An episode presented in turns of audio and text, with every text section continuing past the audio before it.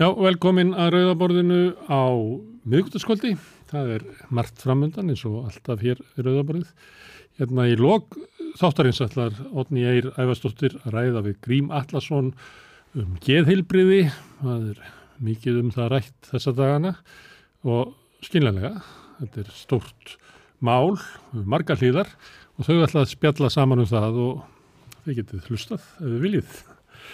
Annað mál sem er mikið rætt er íslenska og innflytendur hún ætlar að koma hinga til mín hún Alexandra Leonardsdóttir, hún er starfsmæður Halsíðisabassins sem að vinnur þar að innflytendamálum og ætla að ræða við hana sérstaklega um íslenskuna, hvernig hún er, getur verið þröskuldur fyrir fólk til þess að komast inn í samfélagið hversu veik íslensku kjensla í rauninni er uh, og hvernig að það vantar ílega stefnustjórnalda því að það er ílega varpað yfir á innflytunum sjálfa að þeir verði að læra íslensku. Það er ekki litið á að svo að þetta sé stort samfélagslegt verkefni. Áður en ég tala við Aleksandru þá kemur, þó, uh, kemur hann uh, Þórarinn Eifjörð, formaður Samíkis til mín og ég ætla að ræða svona viðan um, um stöðuna, kos, uh, samningavetur framöndan, kjara samningar að vera lausir eftir áramáttin, uh, verkefliðsfórustanum er svolítið hort til stjórnvalda um hvort að, að ríkistjórnin leggja eitthvað fram sem að gæti orðið svona vegvísir að samningum og sátt því að, að ég held að sé öllum þá ljóst að það er ekki nóg að semja bara um launahekkanir, heldur þurfa að koma til aðgerðir stjórnvalda í skattamálum, húsnæðismálum, heilbriðismálum, allskismálum, allskisréttindamálum. Það er að bæta réttindi leyenda og einstaklega fóreldra og fleiri. En því miður þá voru fjárlögin sem að voru kynnt í gær voru ekki með slíka vegvísa að bættum samningum ræða við tónarinn um stöðuna í dag og kannski svona almennt um uh, svona glímu merkelsreifingarnar við stjórnvöld. Komum að því hér eftir örstullja. Með því að ganga í leyendasamtökin stiður þú bara áttu leyenda. Leyendasamtökin eru fyrir alla þá sem vilja berjast fyrir réttlátu húsnæðiskerfi. Leyendasamtökin.is Er rétt að greiða lámarkslaun fyrir hámarks ábyrð? Til að manna mikilvægustu störfin þarf mannsæmandi laun. Ebling stjættafélag.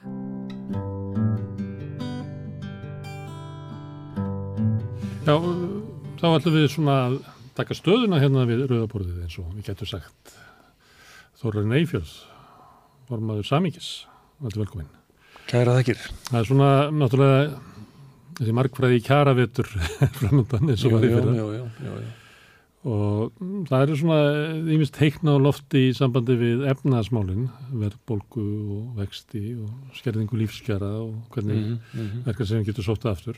En síðan er það líka sem hefur búið að vera kannski mest áhugavert svona undanfanna viku er að, að samkjefni hefur komið orðið um fjölunefni hérna, allavega við rauðumorðið í tilhefni af skýslu samkjefnseftilitsins um skipafélagin, þar sem kemur fram bara þar sem að menn eru að bruka launráð mm -hmm. og þetta lítur að vera náttúrulega stór hluti af lífskjörónum hvort að við sem að borga eðlilegt verð fyrir það vöður og þjónustu sem við þurfum á að halda. Já, bara heldur betur. Já. og þessi samantækt sem að hérna, ég held að margir ef ekki flestir hafi lesið um sagt, hvað var að gerast í samskiptum hérna, skipafélagana að þetta einhvern veginn var eins og einhvern svona besta hryllingssaga sem maður hefur lendi bara lengi. Já og það sem var svo sérkjænlegt fannst mér svona eftir á því að maður var búin að fara yfir þetta var að sko, maður halvpartin trúð ekki að maður væri að lesa um þetta á þessu stíi núna í dag um, við getum farið aðeins aftur fyrir, eða semst aftur í tíman og þegar að samræðu ólíufélagana var mm. sem maður held að sinu tíma myndi sko hafa þau áhrif að svona stærri leikendur á markaði myndu ekki aftur fara í öskjuhlýðina og vera með sko að vináttu samtal þar um hvernig þetta að hérna nýðast á, á, á hérna neytendum mm. og í þessu til ekki þá líka fyrirtækjum bara í landinu mm. en það reyndist heldur betur ekki rétt þetta kemur upp aftur og aftur og lýsingarnar bara til dæmis á viðbröðum og handering á fyrirtækjum sem að þau voru að þjónustæðin að Mm. gæsa lappa á þessum tíma að þær eru bara næri, þetta næringri átt það er að segja að þetta er bara skipulagur þjófnaður Mm. á markaði sem að fólk hefur talað um og margir trúa á að hérna að skapi svona bestu verðmyndunin á markaði sem við sjáum að er bara þvæla Mm. og það sem er svo vond í þessu er það að, já, meðal annars að þessi einstaklingar sem að eru þarna aðaleikendur að þeir telja að þeir komist upp með að haga sig með þessum hætti Mm. Og uh, jafnvel að vera að gandast með það innan fyrirtækis hvað er búið að leika einhver ákveðna aðila grátt þetta er náttúrulega bara fyrir neðan allar hellur Mm. og eins og segi þegar maður var, hérna, svona, búin, var búin að fara yfir þetta já, mér setja bara hljóðan þú veist hvort það gæti verið að gerast í dag Mm.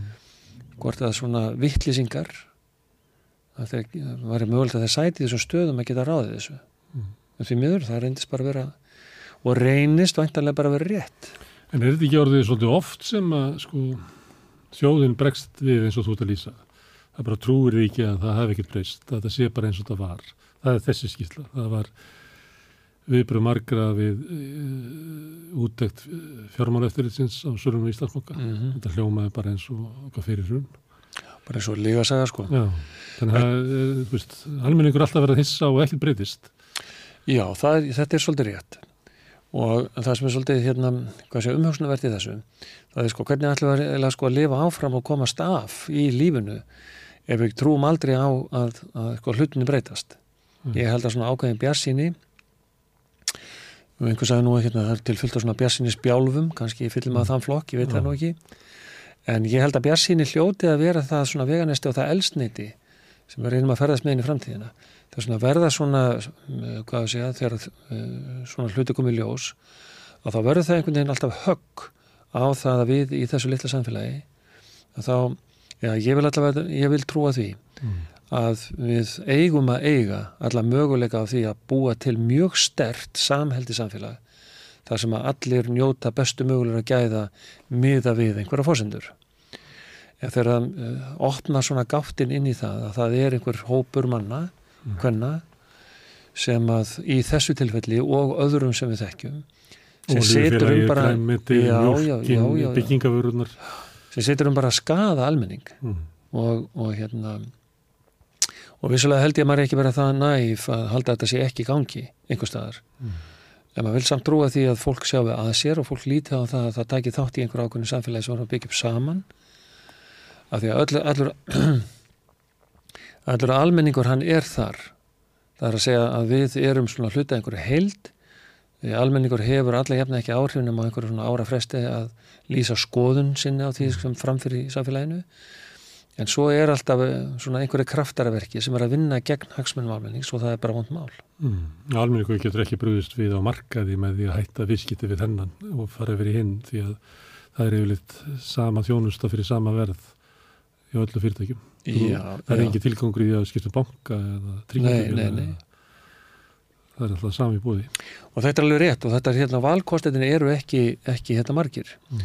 og það helgast líka því að við erum svo sko fámenn í svona stærri samfélagin þar sem að hérna mm, maður getur ímyndað sér að það sé svona frekar virk samkeppni þó Mm. við sjáum það líka erlendis að það er náttúrulega er ekki að því að einuguna tilbyrðunir eru alls þær að, að hérna þar sé svona ef að massin flist yfir á milli þjónustöðilega aðeila sem er að selja þjónustu þá mun það hafa áhrif. Hér gerist það bara svo í smá, smáum smáum skömmtum. Það er að segja að fólk er ekki að færa sig á milli. Og það er eiginlega engin verð samkeppni þannig að það er eiginlega ekki kvati hjá neytundum að færa sig yfir.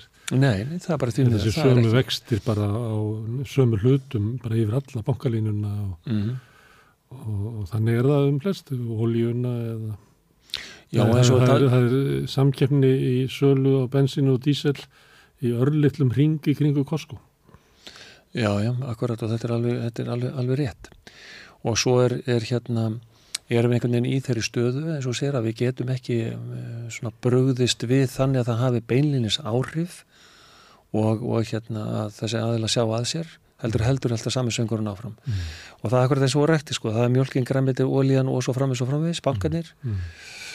Og þó svo að einhverju taki sér til og reyna að hafa vera, svona, vera virkir og ábyrjar miklu neytendur og skipta eitthvað þá bara er það ekki í nægilega stóri skömmtu til að hafa eða einn það er sko. refsað eins og hefur komið fram í fréttum varandi þá sem að fóru með launareiningi sinni yfir til Indó að þeir geta ekki sótt sér gjaldir í, ég held að það verið Íslandsbóka Já, nákvæmlega, Já, sem að er alveg sko bara furðuleg aðgerð sko. já. Og hérna Þú það ætti að kalla bara á samkynnislörglun að koma og handtaka, handtaka útibústurinn. já þetta, er svona, þetta er svona fárán þetta er svona fáránlega aðgerð sko. En varðandi að þú nefndir ólífélagið, Mhm. það var, kom fram hérna bara upp úr aldamótum 2001 eða 2, ég maður ekki alveg hvað var, Mhm. þá var það samkynnisráð og samkynnisstofnun, mm þá voru þar 22 starfsmenn, nú voru 24 í samkynnseftirlitinu, Mhm. þannig að við höfum ekki aukið aflið í samkynnseftirliti. Allan tíman hefur verið mikill áróður hjá, frá fyrirtækjaegundum um um eftirlitsiðnaðinn og samkynnseftirliti séu eiginlega bara svona bögg -hmm. og tefji fyrir og valdi kostnaði bara hjá, hjá fyrirtækjanum. Mhm. Það er enda smá munur núna sem er breyting sem er að sektin eru, eru herri og það mun vera svona e, bara afleðing af því sem er að gerast í Evrópu sem er að færast ynga. Það er svona sektir eru að hækka Mhm. við það meim. Í, olíufélaginu þá gæti eitthvað einn eða tveir eh, neytendur farið í skadabótamál Mhm. sem að höfðu geimt alla kvittanir. Sú staða neytenda til þess að fara í eitthvað svona málaferðli gagvart uh, skipafélagur út á þessu er ekkit sterkari. Þannig að það hefur ekkit í svona grunninn breyst. Það er svona við höfum bara trú á því að, að fólk batni og sjáu af sér. En það er ekki eins og sko stjórnvöld eða al, almanna valdið hafi raunverulega aukið aðhaldið. Og það er kannski af því sem að niðurstan er svo sama. Það er ekki... Sko þetta eru hérna nokkri þættir sem kemur inn á sem eru bara mjög, um, hérna, mjög umhugsunarverðir. Mm. Um, Davíð Oddsson laði nú niður þjóðhastofnunum sín tíma eins og spáin var ekki náðu hagstæð. Mm. Þjóðhastofnun var gaggrín og var að benda á hluti sem að hún voru ekki, hann var ekki ánæði með. Þannig að þú veist þá að farið að leggja hana niður. Sangetir stopnun að sveipuðu leiti þá maður kannski fjallum hana þar með sama hætti. Hún var, eh, var klofin upp til þess að væri þetta stokkana upp og Georg Ólafsson sem hafði stýrt olíusamröðinu, hann var ekki ráðin aftur. já, já, nei, nei, akkurat. Uh, við getum tekið líka sko ríkist hérna, hérna, hvað heita ríkis skatt, uh, Skattarafsónustjóra, já, skattaransstjóri hún var rendin í skattin, að rentin í skattin og allt. fjármála eftir í Já, Sælabankan. Akkurat, nákvæmlega. Þegar að koma svona líka að stofnarnir stíga svona fast fram Mm. með stjórnendur sem að ætla sér að reyna að framfylgja því hluterki sem þeim er trist fyrir í samfélaginu, Mm. í stórumyndinni og hafa, hafa sumi hverju ekki bara gert það bara mjög vel að þá næsta vístað bara í morgun eftir þá er komin hugmynd um að leggja hérna viðkomandi stofni niður eða gera það að svona hvað ég segja, þeim sem að uh, sko sög á að beinast einhvern veginn að. Við getum alveg tekið eins og Íslandsbankamáli núna síðast að bankasísla ríkisins vissulega hefði mátt og átti að gera miklu betur heldur en að heldur en að þið gerðu. En í öllu þessari sko spillingu sem að viðgengst þar að þá allir er það við, viðbröð sko stjórnvalda að leggja bankasísluna niður. Nú er komið þess þið eru þau segu og við ætlum að gera það sko óskup myndrænt og gera ferlið þannig að þið séu þau sem átt að byrja ábyrjuna og þið bröðu skildum ykkar. Við ætlum að leggja ykkur niður. Þetta er sko þekkt aðferð hjá stjórnvaldum því miður. Og sérstaklega þegar að fórstuðum standa sér bara mjög vel og er að sinna sinni hlutverki gagvart almenningi þannig að við sjáum þetta við á við munum örglega að óbreyttu ástandi sko sjá þetta aftur Já, Ég hef stundum minnst á uh, rítgerð, Emma-rítgerð sem að Jóhannes Karlsson Raunfjörð skrifaði mm um skattransun á Íslandi. Mhm. Að þá eru sko þrjú dæmi þar sem að skattransunir eldust og þá var hérna viðkomandi skattransunstjóri. Hann misti alltaf vinnuna í kjölfarið út af ykkur svona breytingum. já, já. Að- Það, er, það er bara, það er ráðið að ef þú trublar eilvítina sko, þá, bara, þá skaltu stjórnvalda gjalda fyrir að það halda eftirlitinu niðri. Akkurat. Og þessi söngur sem mantra um eftirlis yðna á Íslandi er nú bara algjör steipa sko. Við sjáum það í öllu sem er, hérna, hvað varðandi bara fjár, fjárhagsumhverjuð okkar, sjáum það í þessu. Besta dæmi var þegar við varum að nota yðnaðasalt í hérna að selja neytundum sem hérna heilbritt, heilbritt salt og svo framvegis. Það sem þarf að gera hérna neytinda vernd og ney eftirlit með aðilum á markaði, er að marg eflast Mm. og það þarf að ekki bara að, að, að hérna, búa til eftirlitsheimildir, að hafa eftirlitsheimildir hjá þessum stofnunum heldur líka einhvers konar viðbraðsheimildir að þau getur brúðist við með miklu öfluri hætti mm. svo er annað líka sem þarf að gera og það ég held að það sé að hafi fælingarmáttin sem að við erum kannski að, að hérna kalla eftir mm. að stjórnendur ef það, ef það sannast að stjórnendur haga sem þessum hætti eins og virðist að hafa verið í þessum í samráðsmálum uh, skipafélagana þá á að dæma þessa hérna, einstaklinga bara til fangavistar mm. og svo fangavist á að vera veruleg mm. af því þetta er samsæri gegn almenningi, mm. bara bókstallega mm. og það riðlar öllu sem að sko, stór kerfi er að vinna til þess að öll launa bara átt að e, þar að segja stjættafélag og launafólks ef að sko e, ef þetta er sönn, þessi myndir sönn sem blasir við þar að segja að launabaráttan er ekki að skila neinu vegna þess að, að, vegna þess að það vera að svindla og svíkja Ógra og, og vissulega, mm. ógra, spillingin er þarna að þá eru verið að taka þessi framþrónaskref mm. alltaf að fólki þess að verður einhvern veginn framþróun samfélagsins að hún stoppar þarna og verður alltaf, alltaf sama baróttan í staðis að við sem að færast fram á við mm. og þá uh, refsingin fyrir svona hátterni verður að hafa sko verulegan fælingamátt mm. í formið sér. Mm. En það, eh, Ragnar Þór bent á það að einn þeirra manna sem eru hérna með stöðu sagbónings í rannsóninni, mm -hmm. sem að var hérna vísa til eh, sagsónara, að hann eftir að það kom í ljós var skipað sem eh, hérna inn í stjórn lífriðsjóðs og er þar formaður.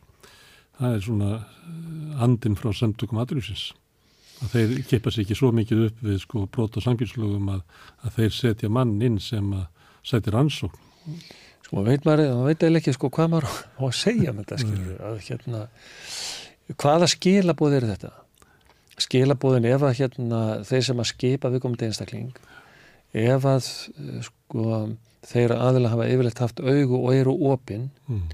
Þá er verið að taka sko meðvita ákvörðunum það að hundsa eða gefa skýt mm. í þessa niðurstöðu í þetta ástand mm. og skilabóðin er bara mjög klár það er sama hvað gert er eða hvað þið er að gera eða hvað þið viljið eða, eða hvaða hvaða glæp e, menn hafa framið gegn bara að gafka samfélaginu mm. við ætlum alltaf að hafa okkar fulltrúa á þeim postum sem okkur sínist mm. og þau skulle bara hérna hafa ykkur hæg við munum halda áfram og það er ekkert sem mun stoppa okkur mm. Og þetta er náttúrulega alveg út, út yfir öll mörg er, er þetta er þetta þannig mál að verkefnisreifingin ætti að gera einhverja svona kröfur á stjórnvöld á sama hátt og um skattalega breytingar stefni húsnæðismálum eru samkynnsmál uh, að því kalibri að það sé verkefni verkefnisreifingarnar að gera kröfur um að venda til dæmis samkynnseftirlitið eða styrkja það til þess að tryggja þá líklega. Það var hægt að fara raukverði að það veri leið til þess að tryggja félagum þínum betri köpmátt. Já, þetta er alltaf sérkjælingunar. Það er um, það sem er rauninni ætti að vera, hvað að segja, svona um, bara mjög ákveðin franganga stjórnalda til að bú... Og til í öllum löndunum í kringum okkur. Já, já, já. já. En sem að það er svo margt sem að hérna, sem verkefælisefingin er búin að taka að sér eða koma að, skulum við segja, mm. Sem manni finnst kannski rauninni að stjórnvelda ætti að hafa mjög hátt, eða vera mjög hátt skrifaði á stjórnaldum hverju sinni. Mm til og með eins og mentun mentunarleiður er endur og símentun fyrir allan almenning mm. og þú maður stættir átækinu fyrir, fyrir 10-15 árum að reyna að hækka mentunarstig mm. bara almennt sem var mjög mikið fjallaðum mm. sko verkalýs og stjættafélagin komið mjög stert inn í það og eru búin að búa til mjög upplugt kerfi endur og símentunar og í bæðu ombarvettvangi og hinnum almenna og leggja áherslu á að, að allur almenningu sem hefur ekki langskóla mentunum, hónu sé við tækifæri til þess að menta sig áfram þetta er auðvitað samfélagslegt verkefni tökum húsnæðismálin mm. húsnæðismálin núna er eitthvað stærsta hagsmunamál almenningsi landinu vegna þess að í fyrsta lega stjórnvöld eigðulögðu gríðarlega gott kerfi sem við höfðum að þeirra verkamannabústæðinir voru, voru hérna engavættir sem voru sanga skýslu rannsóknar nefnda alþingis einn stærstu efnæðslegu mistök í mm. aðdraganda kreppunar sko, mm. eða bankar hrunsins og, og uh, núna er þetta sko mjög ofalega á borði stéttafélagana mm. og, og hérna þessa almenna hagsmuna endurhæfing, það er virk sem er mm. gríðarlega stert og, mjög þart mm. svona fyrirbríði í samfélaginu þannig að það er að detta inn það sem manni finnst að þetta vera sko megin verkefni stjórnvalda. Að búa til gott, gott samkomiðlag þannig að sumuleiti þá er þetta byrjað í, í samkynnsmálum já, já, já, en þannig sko þetta er svo förðulegt að stjórnvöld hafa einhvern veginn stíi frá því að vera sko málsvara og talsmenn almannahagsmuna yfir því að vera talsmenn sko engahagsmuna mm. sem er náttúrulega algjörlega brjálu staða Þannig að það er ekki annað hægt fyrir eldur en fyrir svona sterk almannarsamtök að taka þessi baráttumál og halda þeim fram. Vörlast eftirlitið, sankjæntist eftirlitið, þetta skiptir allt almenningmáli og þetta er allt spurningum mm. kjör og svona uh, sko lífsviðværi. Þetta verið mistök að verkefnsreifingun að gera þetta, svona meðvirkni, er raunverulega búa výrverkefnsreifingi til skjól fyrir stjórnvöld að sinna ekki uppbyggingu ódýrs húsnaðis vegna þess að verkefnsreifingin er þessu að þeir sinna ekki endurhefingu vegna þess að verkefnisreifingina þessu, þeir sinna ekki endurmyndun vegna þess að verkefnisreifingina þessu og svo verður til eitthvað svona, svona óeðlilegt samband að, að, að launafólk þarf að sækja eitthvað sem er kannski sjálfsögð sjónusta eða réttindi erlendis í gegnum það að versla með launahekkarnir sínar í samningum með alls óskildan aðeila. Sem er hann og haldið fram að sko eini, hérna, eina alvöru réttarbótin sem komi yfirleitt til inn, inn í Íslands samfélag fyrir svona allan almenning, það eru tilskipinir frá Europasambandinu mm.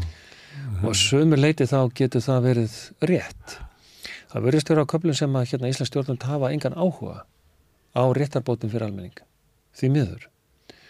Og ég veit ekki hvort að það verið þá skjól fyrir hérna að sko að sé verið að gera, gera hérna stjórnum hlutlaus. Mm.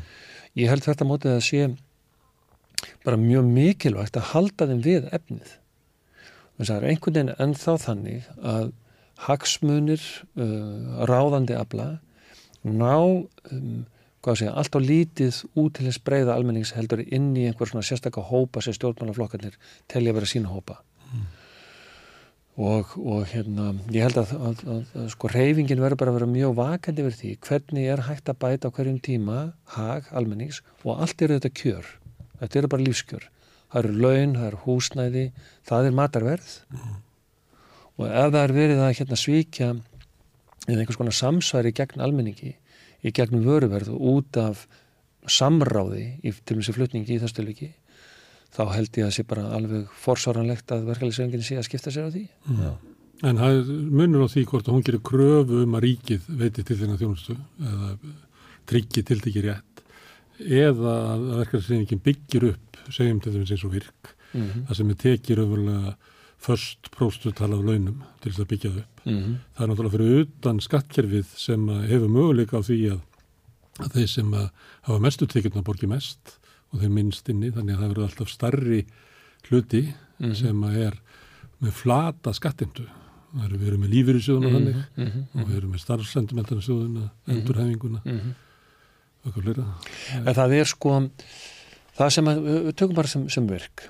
Það krafa sem verður þar til byggir á því að, að við sko verðum vörfið og það er svo margið sem er að detta út á vinnumarkaði, er um það bil. Mm. það eru alls konar sjúdómar og fleira og við vitum það þegar fólk á vinnumarkaði lendir í þeim hremmingum að vera eitt heima í einhverju veikindum eða afskipt, þá er svo mikil hægt af því að það semst, sé komið inn á einhverja braud sem leiði til þess að fólk verður ó þess að getur ekki lengur tekið þátt bara í vinnumarkanum, mm. einangrast og verða öryrkjar. Mm. Og þið aukvöldu þetta með annars vegna þið eru með sjúkrasjóðina. Já, já. þannig að þið bara sjáu þetta. Þið bara sjáum þetta gerast. sjá, bara eftir, þið getur gert upp dægin og já, þá sjáu þetta gerast. Og meðan stjórnvöld eru bara ekkert að pæla í þessu. Nei, Það sem gerist það sem er samt sem á gott. Jákvæmt, að það er að að síðan í gegnum samninga að þá eru til þetta samstarf félagana og ríkisvalsins mm. bæði sem ríkis og líka sem hérna andunreikanda, og ég held að þú veist, akkurat að svona samstarf eins og í kringum það verkefni, það er bara mjög vel hefnað mm. og þá verður sko, þá verður hreyfingi svona málpýpa almennings á svona breyðungurinn og það tekst að búa til gott saminverkefni sem lifir síðan bara mjög sterkur lífi framhaldinu mm. og er bara með að gera flotta hluti mm. og ég vil trúa því að það sé að gera um, samkominlag við ríkisaldið og eftir aðtökum, aðtökunreikundur uh, sem að leiða til svona, hvað sé að góðra hluta á breyðungurinn fyrir samfélagið. Mm -hmm. eins og, og var að gert í kannanda með aðdurlösu tryggingasjóði sumarleifum og já, alls konar lífsgerðabótum með orlosetti já, já, og fleiru mm. en hitt er hann að mál að þó svo við séum komin á stað til með bjarg og blæri réttar aðeins að komast á stað og þá þessi byggingafélög, þessi húsnæðisfélög sem eru sprottin úr hreifingunni að þá þarf sko um, þörfin er svo miklu, miklu stærri og meiri. Mm. Að þessi apparat í núverandi fjármagnun og í stöðu ráða almennilega við.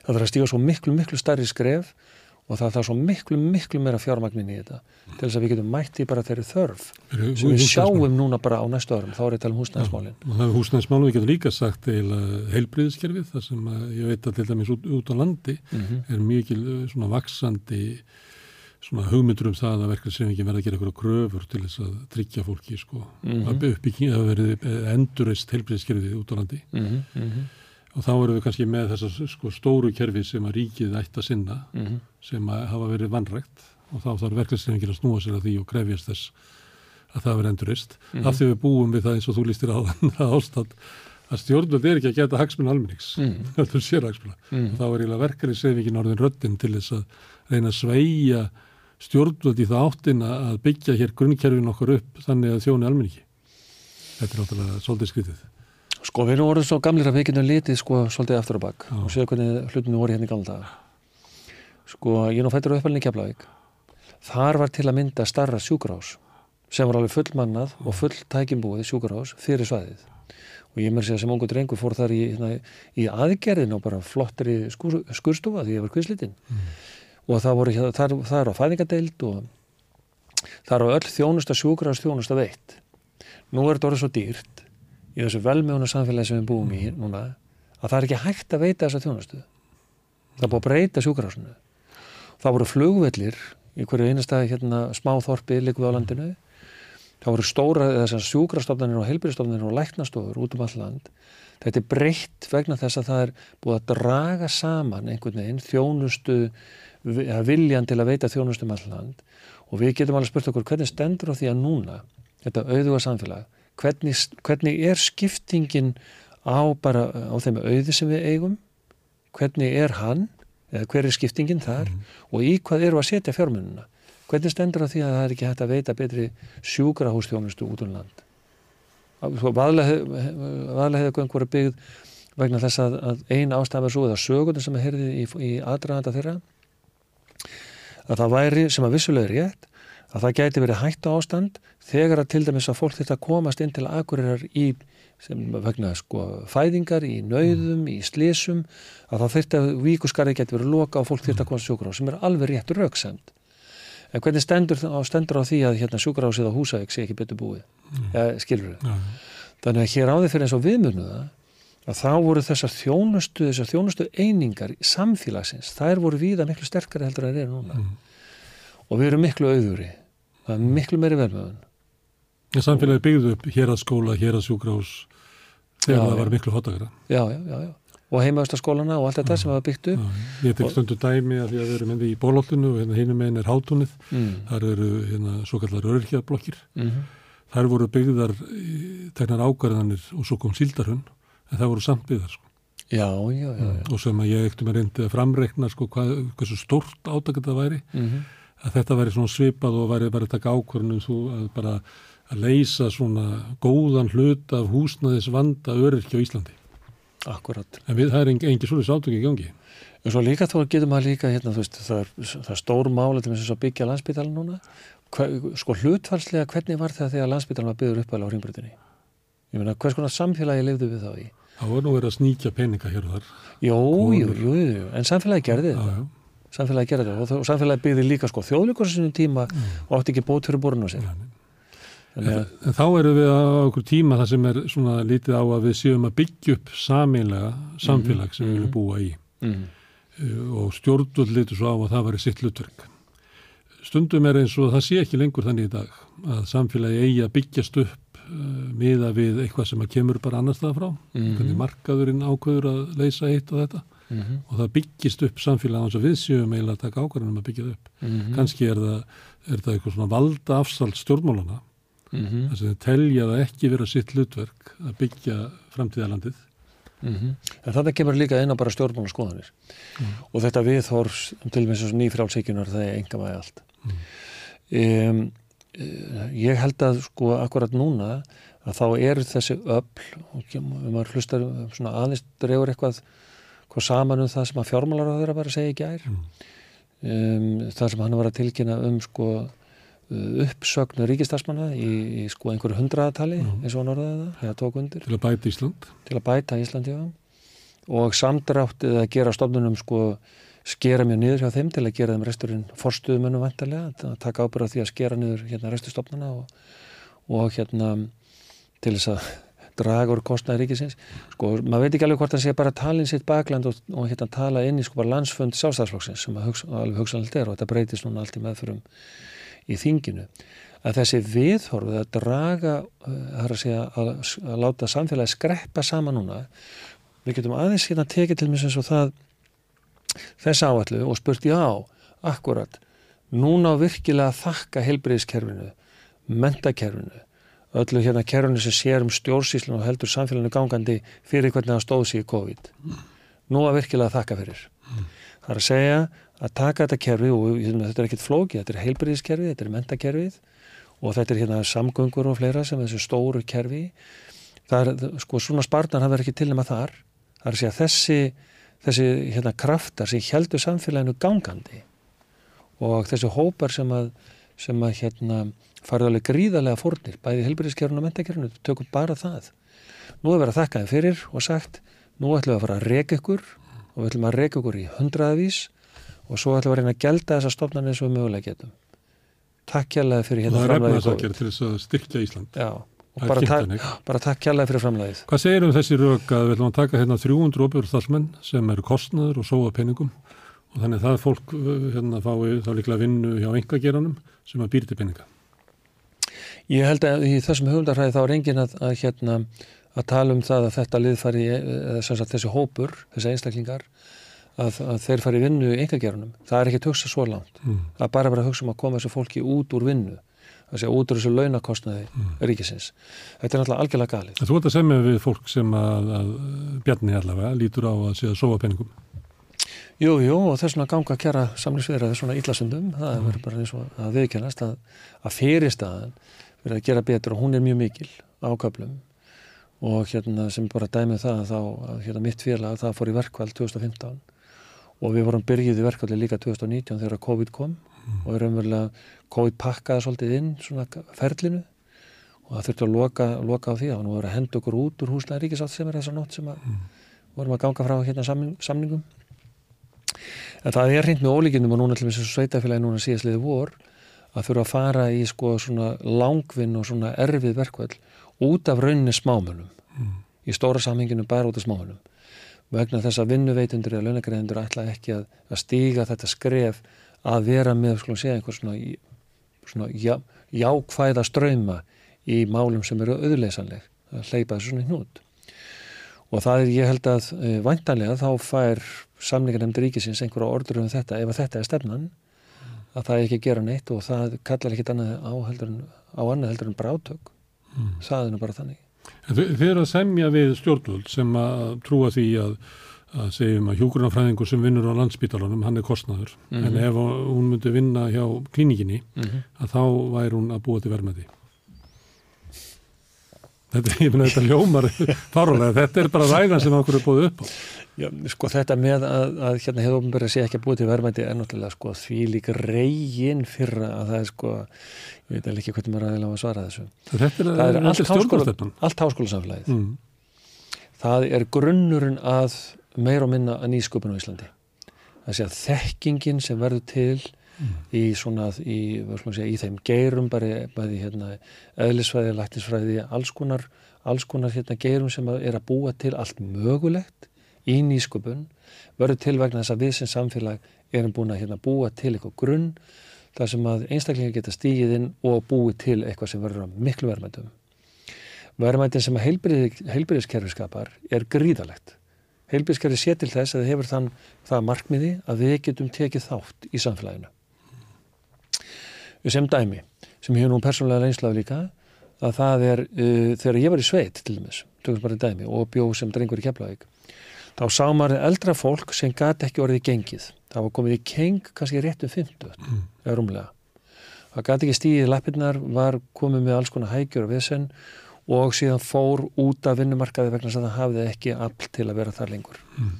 og vegna þess að það var eitthvað að, að, hérna, að ángraða til dæmis eins og skendi liðir komið staf, þannig að maður sér ekki Já, oft ekki bara staf, heldur bara að var komið heim Já. Og þegar ég var í sveita þá var fólk lagst í kör vegna þess að það gæti ekki stíðið lappirnar. Uh, núna að þá til dæmis sér helbæðiskerfinu það að þessu fólki sé hjálpa þannig að það tekum mun taka þátt í atvinnlífinu næstu 20-30 árin til viðbútar sem var bara hreinlega skerðing á vinnuafli fólks. Þannig býr helbæðiskerfi til bara í eðlið þess er að búa til verðmændi það sé að hjálpa fólki að taka þátt í samfélaginu áfram. Þannig ætti þetta að virka en að því að ég hef nú farið í gegnum svona að þú byrjar á að vera 2,5 ár að býða eftir lustina mála. Já, þá getum við alveg talað um það sko, hvað fer mikið af svona verk þjóðatekjum til, til hérna helbriðskerfis hjá okkur miða við það sem gerast á Norrlöndum. Sko, þegar að vera að tala um að, að hérna helbriðskerfið okkar sé van fjármagnað, að þá erum við auðvitað miða við þjónustu þörfina og við erum kannski líka að bera okkur saman við hvað gerast á hinnum Norrlöndunum sem við þekkjum best. Og þá munar alveg gríðarlega hversu hátt hlutvall að verk þjóðatekjum rennur til helbriðskerfis hjá okkur og hvað rennur til, til bara til hinna Norrlandara í helbíðskerfið. Og, og þessi byggðlista sem eru núna er vegna þess að það vantar fjármunni. Er ekkit, þetta er ekkit annað, þetta er bara lýsing á því það vantar peninga þess að gera þetta. Og ef myndum við vilja standa okkur vel, þá myndum við reyna að nálgast að hafa sa sama fjármagn inn í helbíðskerfinu og er á hinnu Norrlandarum. Og þegar við hugsaum þetta þá finnst mér, sko, allavega mér finnst aðdeglisvert að við gleymum oft í þess að þurfum að miða okkur við Norrlöndin og hvað fer mikið til samfélagsmála. Að við erum eitt eh, sko, stóran útgjaldaflokk sem að, ja, það er einn stór útgjaldaflokkur sem við erum ekki hluti af hér heldur er á hinum Norrlöndur sem við byrjum okkur sama við. Og það eru útgjald til hermála. Ég meina þessar lönd er að reka mjög dýra hergi og fyrir alveg gríðalegt fjármagn í það samt sem áður að þá geta þau gert miklu betur í, fjárm, í fjármögnun á helviðskerfinu við erum ekki með hennar þátt og við erum sko að segja að við getum ekki gert eins vel eins og þau ég held að það sé bara della Við gerum það ekki. Það er að stjórnvöld á Norðurlandunum sjá verðmæti í því að, að skiptum mjöðum hjá þeim sem áþur að halda sem fyrst mm. til þess að geta orðið virkur samfélagsþegn. Mm -hmm. Þá er það þannig að stjórn og Íslandi sjá ekki þessi verðmæti. Já, eða bara er ekkert að horfa það. Heldur er bara að horfa það að þau vilja bara minka ríkisútgjöld. Því þetta er bara mantraðum það að minka ríkisútgjöld. En ef almenningur í Íslandi vil sömu þjónustu og fólk færa á Norðurlandunum þá verður við að hækka skatta. Já, já, það er bara liggur alveg í augum uppi. Og sko, við getum orðað öðruvísi, sko, hækka skatta, jú, jú, það er hugtak sem hægt er að nota. En við getum líka að nota hugtakið, sko, við ætlum bara að ná í, sko, réttmætan skerf af þeim verðmætjum sem þjóðin á sameigilega og þá erum við að tala um auðlindunar og við erum að tala um hérna fiskauðlindina og núna þetta með, sko, með eins og lagsinn í kvím, það segja sjóeldið og allt það. Og núna bara er að opna hvað að segja, augu fólk að opnast verið því sem að sumir hafa haldið fram í ára, ára tugi jafnvel, að vatni hérna sé mjög verðmætt, það er mjög verðmætt. Þannig að þetta er alltaf auðlindi sem samfélag á samhegilega og það á að taka réttmætt að skerfa því inn í rekstu samfélagsins að þá væri þess að rekstar umhverju ríkisins allt öðru sig. Þar fyrir utan eru sko skattar hér eh, lægri en á Norðurlandunum, fjármastingarskattur, fyrirtækjaskattur Já, já. og fleiri. Við ákveðum að verja fjármunum, mm ekki í heilbíðskerfið, ef við verum undir þar Norðurlandunum, mm heldur ætlum við að verja fjármunum í því að hafa hér lægri skatta á fjármagn og fyrirtæki. Já, já, þetta er bara alveg rétt. Það er að segja rétt og, og þú veist, svo getur við delt um það. Hvað er svona rétt mætur skerfur af hagnaði, argreislum, mm. náttúru auðlindunum og hérna ós og framvegis og allavega ég er þeirra skoðunar að þessi skerfur í dag, þessi hluti sem reyndur samleisa, hann er bara alltaf lítill. Það á að hækka skatta á, á hérna argreislur, það á að hækka skatta á auðin sem er í samfélaginu og það á að hækka líka afnótagjaldið af auðlindunum Mm. þannig eigum að fjármagna samfélagið. Erðu þeir að fara í samninga, þeir komið þarna á eftir almanna markanum og minna að fylgjast með því Mm -hmm. og eins og við erum búin að fara hérna yfir að þá til þess að bæta lífskjör að þá þurfa að vera samkjörni hérna, það þarf að bæta heilbriðiskerfið og húsnæðiskerfið, það þarf að bæta skattkerfið, það þarf eiginlega að breyta um stjórnastöfnu og nú er ríkistjórn sem að er að, var að kynna fjárlög í gær mm sem að ég hef nú fjallað um fjárlög í sko áratvíi en ég bara nefndi ekki að fjalla um þetta að það, var eiginlega ekkert í þessu sem ekki hefði verið kynnt sko mörgursunum áður. -hmm. það var eiginlega engin sko stefnumbreytingi það var eiginlega ekkert nýtt í þessu fjárlögum. Þannig að, að það betið til þess að það er ekki verið að breyta stefnu hér á nokkuð nátt Ja, það er allavega sko engin sjáanleg merki um það. Nei. og ef við ræðum svona um, um stjórnmál og, og það sem verðist vera stjórnmál ástandið í samkvæmt skoðanakonunum þá verð ég nú að segja að það kemur mér alveg sérstaklega á óvart núna að þetta skildi vera sett fram með þessum hætti. Mm. að því að uh, ég held að til dæmis eins og kjósendur vinstir græna sem hafa of, já, verið bara til dæmis tryggir kjósendur þess flokks ég held að þeim sé ofbóðið núna. Að í þessu stjórnarsamstarið sem að eiga á að vera sko vinstrasta vinstrið það er að segja aðal baráttu liðið fyrir hagsmunum almennings að það skuli bara gerast að á þeirra vakt skuli svona fjárlægfrömgur sett fram, það sem er ekki neitt. Vitandi það að að hérna að til dæmis við tökum bara ríkisresturinn að fólki sem stendur það vaktina og hefur staðið að þetta sé skilabóti þeirra nú eigi að fara að segja þeim upp. Þetta er alveg stórkoslegt þeir munu örgla að fá fullt að atkvæða mútið þetta. En uh, sko, ef að við búum í samfélagi þar sem að stjórnvöld uh, reka frekar uh, sérhagsmunni heldur en almanhagsmunni, eins og við erum búin að rekja hér og það hefur verið hlutverk verkefnisreiningarinnar að reyna að, að sko, semja um einhverjar lagfæringar á kerfinu, stundum bara uh, fjármagnað með launatekjunum sérstaklega. Það, þá myndum við ætla að það var eiginlega sko, næstu höfuverkefni verkefnisreiningarnar að sækja á stjórnvöldum að breyta þessu stefnu. En við erum eins og með ríkistjórn sem að ég held að þú hefur eitthvað trú á því að þú getur látið hann að breyta stefnu því að hún er eiginlega ófær um að móta stefnu. Já, sko Það er svona, og þú kallar ríkistjórn lagsta samlefnana, þau hérna, Já, þau já, gera bara sem minnst. En það er sko, þetta, þetta er svolítið vandamál þegar að hérna, við tökum við svo lífskjara sem var hérna á, á svona almenna markanum að það var uh, ég held að sko að eins og ASI fjölinn síndu bara mjög mikla samfélagslega að hluta til ábyrð þó svo að maður hafi kannski viljað sjá svona aðeins aðra áherslar en samsum aður þau síndu ábyrðirinn að búa til eitthvað sem að gæti verið og hjálpað okkur á svona stórum skala inn í framtíðina. Það voru lofur sem að ríkistjórnin gáðu þar þess að ríkistjórnin ætla að taka sér ákveðna þætti. Þú heyri alveg hvernig aðeins í félagin tala núna. Þau líta svo á að ríkistjórnin hafa þeim tíma svikið allt. Þau hafa sviku allt sem þau gerðu þau gerðu ekki það sem þau lofuðu. Og lífskjara samningurinn kannski byggði svolítið á því að það yrði staði við það það er svona samfélagslega málefni sem þau ætti að taka og koma í höfn það gerist ekki Ímis lofur þegar stengst húsnæðismarkanum og líka leigumarkanum, leigubrens og svona sem að við getum ímynduð okkur nákvæmlega. að ástandi verður bara miklu betra ef að ríkistjórnin hefur bara staðið við þetta. Já, hefðu bara staðið við þetta Já. eitthvað sem þau ætluðu að gera eitthvað sem var skrifað inn í samkominn Eða, við um- veitum ekki hvort það ætlaði að standa við þetta. Já. Stundum er það þannig að menn, vandamáli.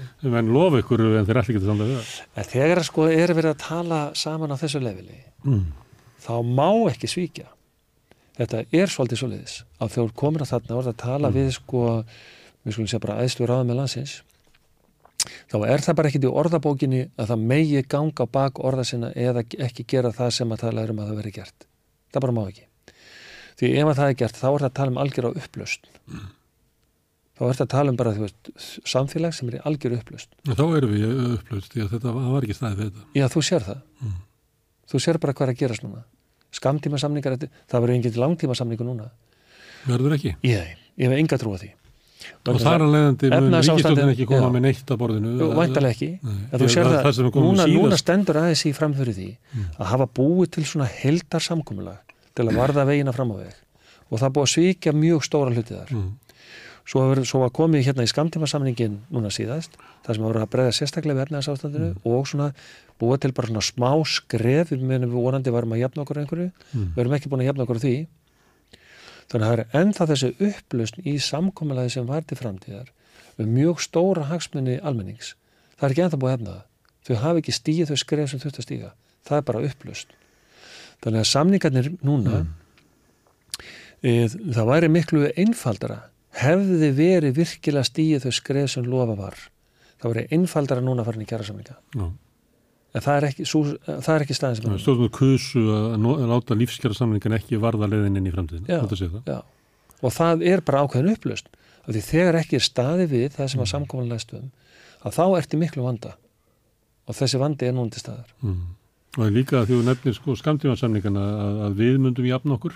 mm -hmm. Skamtímansamlingandi voru svona stuttir vegna þess að, að það var óljóstum svo kallan viðsnúning atvinnulífsins. Mhm. En hann hefur orðið miklu meiri heldur en okkur bjóst við þegar skamtímansamlingur var gerður. já, já, Þannig að raunverulega ættu raunverulega launafólk að það eiga svona kröfur um að fá eitthvað meira þú veist að þeir hafi lagt á sig þau, var eiginlega veðjað á minni viðsnúning heldur en varð. Mhm, það er alveg rétt. Já, því að, að vandin var þar ekki endilega verðbólgan eiginlega verður sko vandamál í framhaldinu því að það leit út eins og verðbólgan væri á niðurleið þegar samningarna voru gerðir. Svo fór hún bara aftur upp vegna þess að Þið opibera og fyrirtæki hækkuðu bara að verða á veru og þunnstum. Já, sko, þessi kenning um það að, að sko, Sæðlabankin eigi, eða hvað að segja kenning eða, eða framkvæmd, Já, að Sæðlabankin eigi hérna, að stýra verðbólginu með hækku stýrivasta já, uh, sem að er bara kennisetning sem er ekkert að virka eins og við sjáum bara núna. Hún framkallar þennan, þetta ójabægi það er að segja að vissulega þá eru ímsa þættir svona í umhverfinu og svona í umheiminum sem verður þess valdandi það verður svona röskun á hérna markaði hins vegar verðbólgan sem er núna hún er miklu byrja að kerða því að það er svona orðið undirlikjandi í hagkernu okkar um það sko verðbólgu væntingata núna eru farin að stýra vöruverði, Mm. þjónustuverði og svo framvegis. Og síðan þessi gríðalegi hérna hvað segja það, svona gríðalega aukning á ferðamannaströmmnum, eftirspurnin er svo ofsalega mikil á, hérna, á ákveðnum, ákveðnum mörgum eftir ákveðnum þjónustu og eftir ákveðnum vöru. Og svona mikil eftirspurnin, hún hækkar verð við vitum það þannig að svona samlíkjandi þætti sem hefur verið hægt að setja sko eitthvað, einhver mörg eða reynda að stýra, það hefur ekkert verið gert. Það er bara endalus innflutningur á, á, hérna, á ferðamönnum.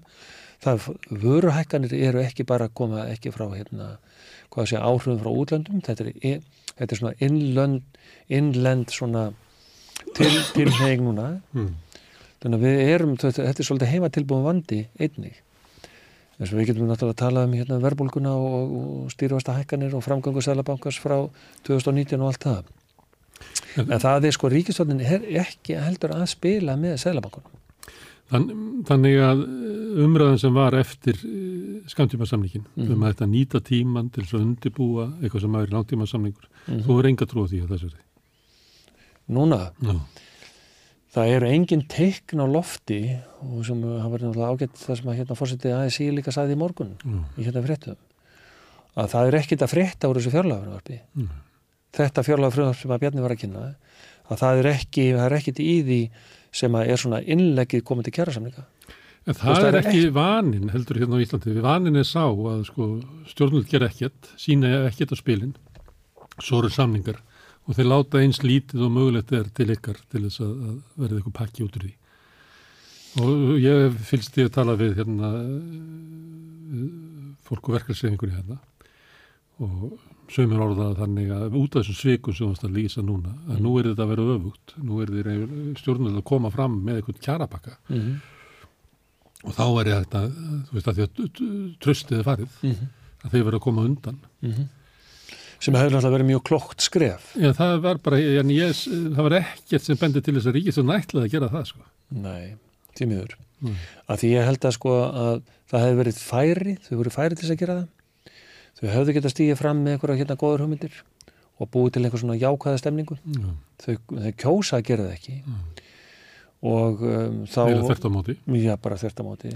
Og þá að, eiga þá einhverja innkomi með því að sko gefa eftir og verða mýkir og bla bla bla á einhverju síðari stigum. Mm. en þetta er bara þessi aðferðafræði, hún er bara heimskuleg.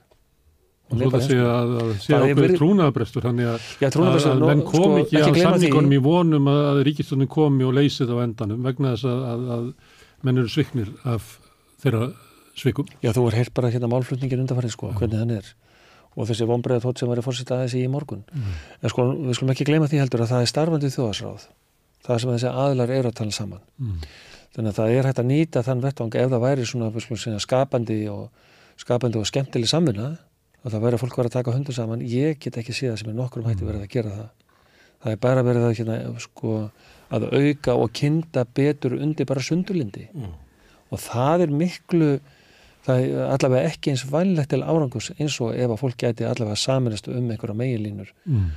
og myndi hérna það verið traust á því að fólk myndi standa við það Og allir kæmi með eitthvað að borðinu til þess að leysa samílega vanda. já, já, það er ekki, nákvæmlega við erum ekki þar. Nei. Og við erum í því sem að þú lístir á það sem bara upplust og við þarfum að vera að lausa samningar. Hvað, hvað, hvað tímambil er það? Er það verður verklæðisreifingi bara að sína afsitt til þess að bæta samningsstöðu sína? Sko, ég held að við það má alveg lítið til þess að á undanvöldum árum að þá hefur verkefælisefingin, hún hefur beitt verkfallsvottinu sko örar og að meira afli heldur en eh, svona fyrir einhverjum árum sem við getum litið til. Mm. Það er að segja að það er verið að búa til ágreining sem að er orðin svona, ég segi kannski ekki hatramari, það er allavega minni, það er svona minna umburlendi og milliaðila. Mm. Það var til dæmis í það- verkvöldum ykkar og bara starfsmanna núna í sumar. BSB þannig sem að Já, var svona svona lítill ágreiningur svona auðvitað frá séð Já, sko ekki lítill ágreiningur heldur lít, hvað ég segja, svona tiltölulega auðlest mál já, tiltölulega auðlest mál var það alveg gríðalegum ágreiningi já, og ég sagði strax í upphæð þegar vorum að hérna, þegar þetta var að byrja. Og ég tala bara mjög opinskátt um það líka við viðsemyndur að sko hvort við virkilega ætlið að fara í baráttu sem allir myndir skadast á. Allir.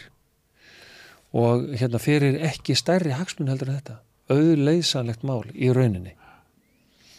Og það var sem sagt, eh, það þurfti þetta til mm, til þess að hérna koma stað að þessari, hérna þessum endapunkti sem að við sögðum sko við munum ná þessu. Og náðu þessu. Og, og, og gerðum það. Og, og, og uh, til miður að þá hérna var þessi spá mín sönn Mm. hún rættist. Að þetta, var, þetta er skaði fyrir alla, þetta er félagslegu skaði þetta er skaði á sko trösti aðurleikanda og þeirra og hérna og launa fólks, þar á milli bara í samfélaginu þar á milli. E, þetta er skaði fyrir fólkið þetta er skaði fyrir hérna félagin og þetta er skaði fyrir allt samfélagi þegar það þarf að fyrir svona mikla baráttu fyrir auðleysanlega mál. En er þetta ekki holdt fyrir félögin að sína að þau geti hérna, náð fram sínum markmiðum? Sko, uh, það má alveg, sko, kenningin segir það. Kenningin segir að, að stjættafélag verði að fara í verkvöld alltaf með ákveðnum, hvað að segja, millibili til þess að hérna finna fyrir, sko, þeim, þeirri forsenda að vera yfirleitt til á ný. Já, bara, þau, það er er svo- betra fyrir því að koma næsta samningum ef þú hefur kemur úr verkvalli því að þá veit Já, já, viðsjamendin já, hvað er í, í húfi Já, já. En svo hérna, svo getum við líka hérna mæ- mælt þetta á, á þeirri vogaskál sem að, og spur sko, er skynnsemishyggjan, er hún vænlega til áraugust til lengri tíma? Þarf alltaf að, að hérna lenda í einhverjum skotgröfum eða þarf að vera til samblanda hverju tvekja? Það er að segja átökum alltaf með reglum um millibili en svona að reyna að láta skynnsemishyggjan að ræða þessa milli. Kannski er þetta bara einhver balans þar á milli en, en það er alveg klart mál að, að hérna, félög verða að vera óhrætt við að fara í baráttuna þegar að, að hérna, svo að segja réttlæti liggur þeirra megin sem er náttúrulega þú veist það sem við trúum á. Já.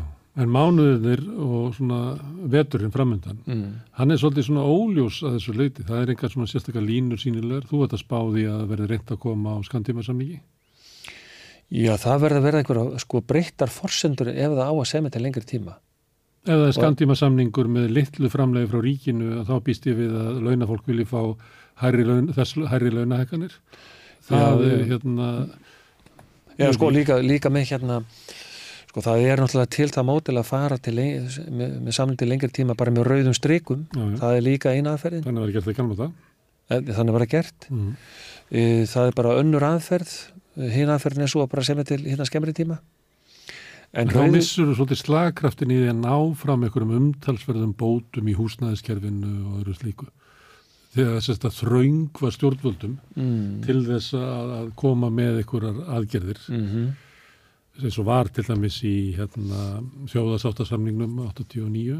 mm Það var náttúrulega að koma allir með eitthvað að borðinu Jú, og það er, hérna, þarf að vera eitthvað svona langtíma samkomulag til þess að menn komið eitthvað mikið. Þá á þeim, sko, á, sko, á þeim tíðanpunkti, Ég held að það veri líka eins og þá það er sem að hérna að raunverulega aðilar þeir treystu hverju öðrum. Mm. Það var þetta tröst að nú ætlum við að ganga saman. En það er ekki núna. Það er ekki núna.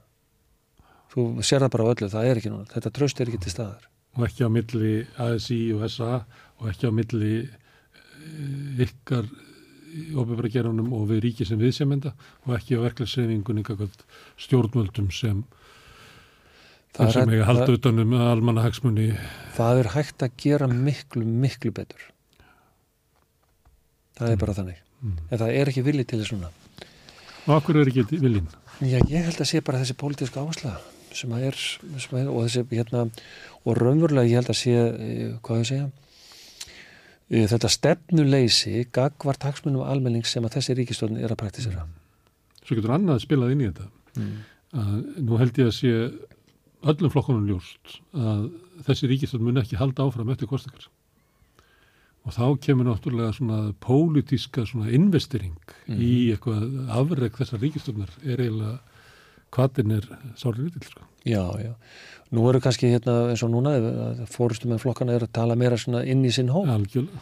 en ekki samilega röddin í samfélagi. Sérstaklega áberandi finnst mér með Bjarnar eins og í kastasum í kæð og þú veist, finnst hann alltaf tala bara eins og hann sé að tala hérna í okkur fundi hérna í valall. Þetta var bara daburlegt. Það var bara þannig. Því miður. Herru Þorrain, það er frábært að fá þig hérna. Já, bara takk fyrir Draga þessu. upp svona raunsana mynd af stöðunni. Já, allavega, nú, þetta eru svona, svona einhverja spekulasjónir um framtíðina. Við verðum að gera það. Eh, ég ætla að reyna að- lappa í áttu en Já, en ég ætla, ég ætla, eins og ég svona byrjaði, Já, ég ætla samt sem að reyna að halda bjassinni, já, að því við verum alltaf að, til þess að bara halda áfram og vakna á morgun og nenna fram úr og, og hérna berjast, þá er bjassinnin og hún er okkar nesti, en það eru alltaf mörg teiknum það að það sé að makkarinn sé ekki tilbúin til að ganga hérna svona rétta leið á manns eigin áliti. Já. Kæra þakki fyrir komuna og við ætlum að halda áfram hérna við rauðaborðið. Við ætlum að eh, fletta yfir í næsta kapla. Við ætlum að tala um innflytjendur og íslensku.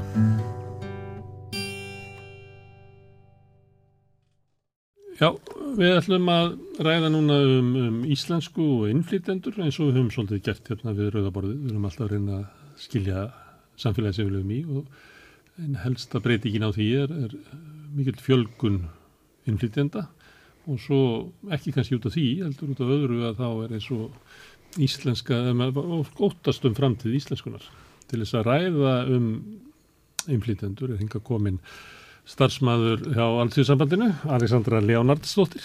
Góðan daginn. Þetta er velkomin. Herðu, hvað hérna er það þannig að, að íslenska sé svona hindrun fyrir því að einflýtendur gerir því orðið fullgildir þáttakatur í samfélaginu.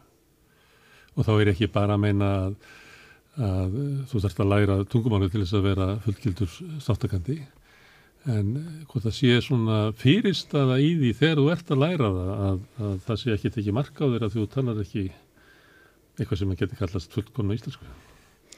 Uh, þegar stórt er spurt.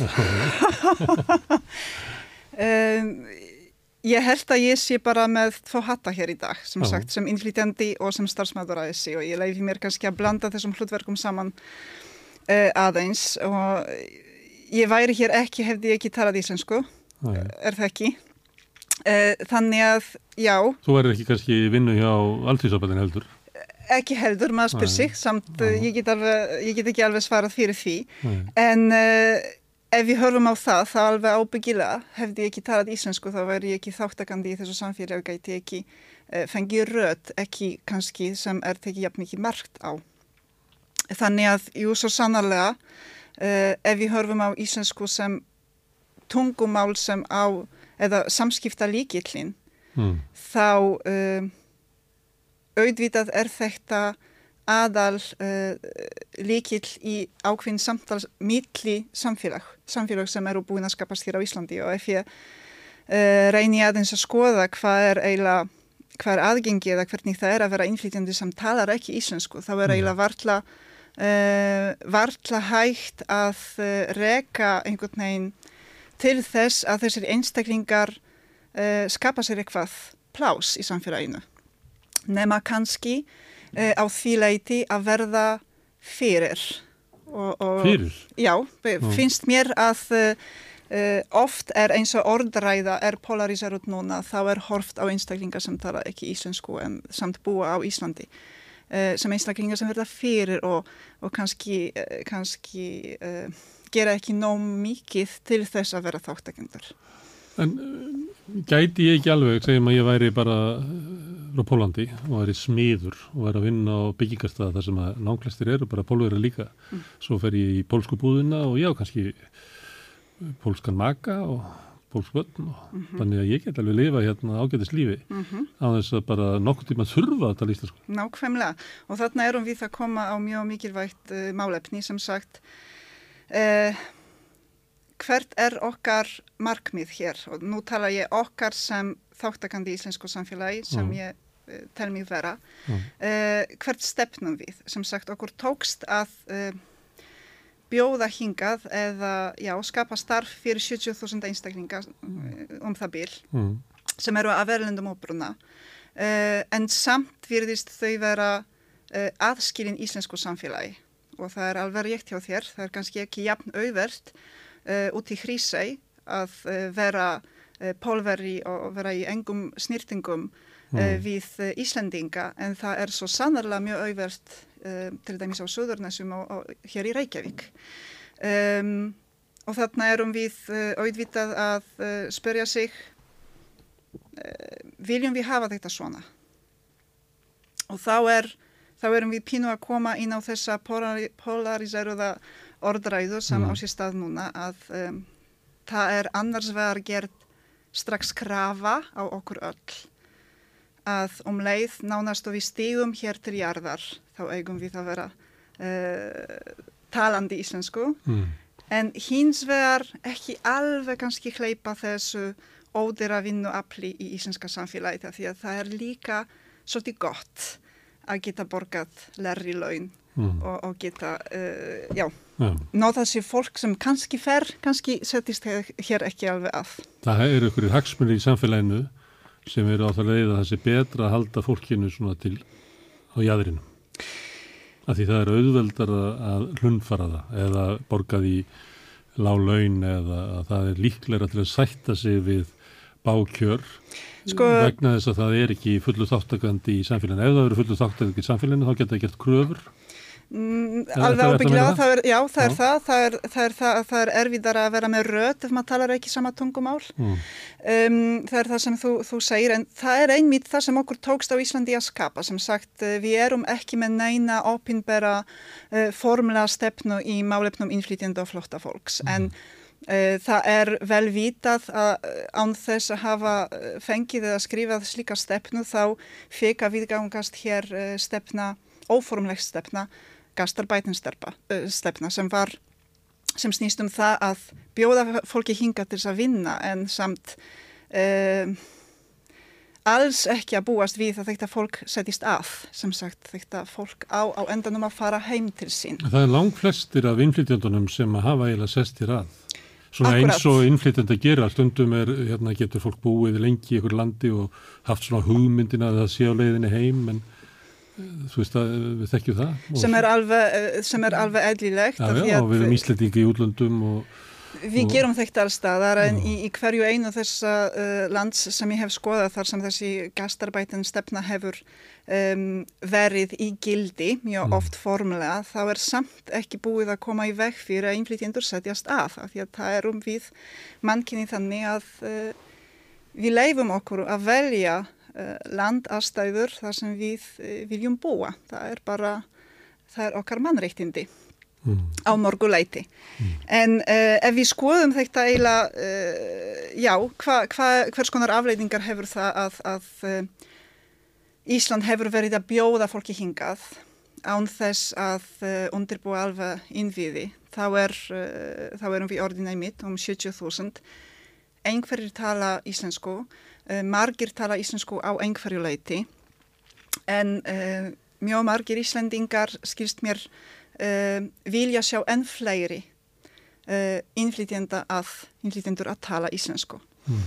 og er oft Má, en er það ekki líka þannig að innflytendur vilja tala íslensku? já, algjörlega Al, þú, já. og það er einmitt það sem gleymist oft í þessari umræðu Mm. en sömu innflytjendur sem vilja tala íslensku gefast upp mjög fljótlega. Og það er líka það sem er þess virði að skoða af hverju það er.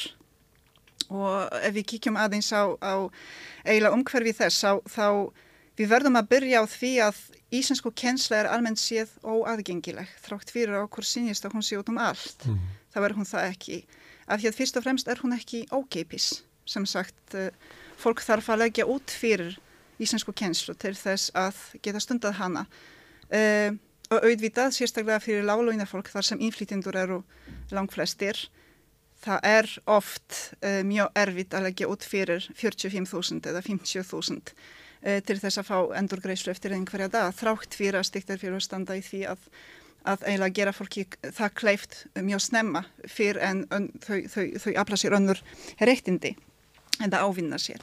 Ef við skoðum þetta eiginlega áfram þá, þá er hún alls ekki aðgengileg ef við kíkjum á hana, ef við skoðum hana og það sem við getum lært íslensku það er bara í okkar frítímanum. Og við skoðum hins vegar hóp innflytjenda þá er hann á barnsegna aldrei og mjög margir innflytjendur eiga börn.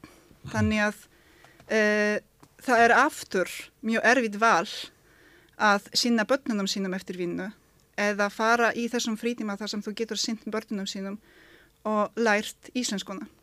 Og oft líka er þetta fólk sem að er á svo lágum uh, launum að það þarf að vera í einni og halvri eða tveimur vinnum. Nákvæmlega. Og þá erum við að tala um fólk sem er í vaktavinnum og mjög, mjög löngum vinnum sem tekur á sig mjög mikla yfirvinnu til þess að ná endum saman. Þannig að uh, þá er orðin frekar lítill hópur sem, sem eftir er sem getur sókt sér íslensku en þessar hindranir eru ekki búinir sko. Uh, til þess að hins var sækja íslensku nám sérstaklega landsbygðinni þá þarf það að vera á bíl. Mm. Samgöngur eru orðin þannig að þú, þú getur ekki farið í vinnu og að stunda nám og komið svo heim. Það er bara ekki raunhæft. Það er ekki, um, það, það bara stendur ekki. Þannig að uh, svo er hún óaðgengileg um leið og, og fólk samt fer að stunda námskeið lærir, tekur eitt, tvo, þrjú námskeið og, og, en fær samt enga viðurkenningu á þessu námi. Þann fær enga, Það er engin svona ávinningur. Já, það er engin ávinningur. Nefn að náttúrulega þú læri um málið, líka. Nákvæmlega og svo, og svo þarna þar við skoðum það þá eiginlega vantar stöðupróf, það vantar staðla í íslensku kenslu. Hún er Uh, hún er, uh, jú, námskrá er til en, en það er mjög mismunandi hvernig íslenskan er kent og hvernig er samansetning af þarna nefendum í, í hverjum einum uh, kennslustofu og, og begg og þannig að það er mjög heppilegt, það er eiginlega heppni ef manni tekst að læra eitthvað á þessum námskeiðum míðað við að samansetning af öðrum nefendum verður mjög mismunandi. Þarna ratar fólk Veist, eins og kerfið er byggt þá, þá ratar á námskeiðin uh, fólk sem velur eða finnur sér tíma að gera það akkurat núna og það er mjög erfitt að reyna að þarna, setja saman fólk eftir þeirra þörfum og hefni. Mm. Um, þannig að þá verður kjensla enn erfiðari. Uh, fyrir utan það ef við skoðum þetta líka uh, aðeins þá er íslensku kjensla byggt pínu þannig að við gerum ráð fyrir að allir hafa farið yfir hefðbundna mentakerfi áður og meira að mm. þau tala ennsku mm.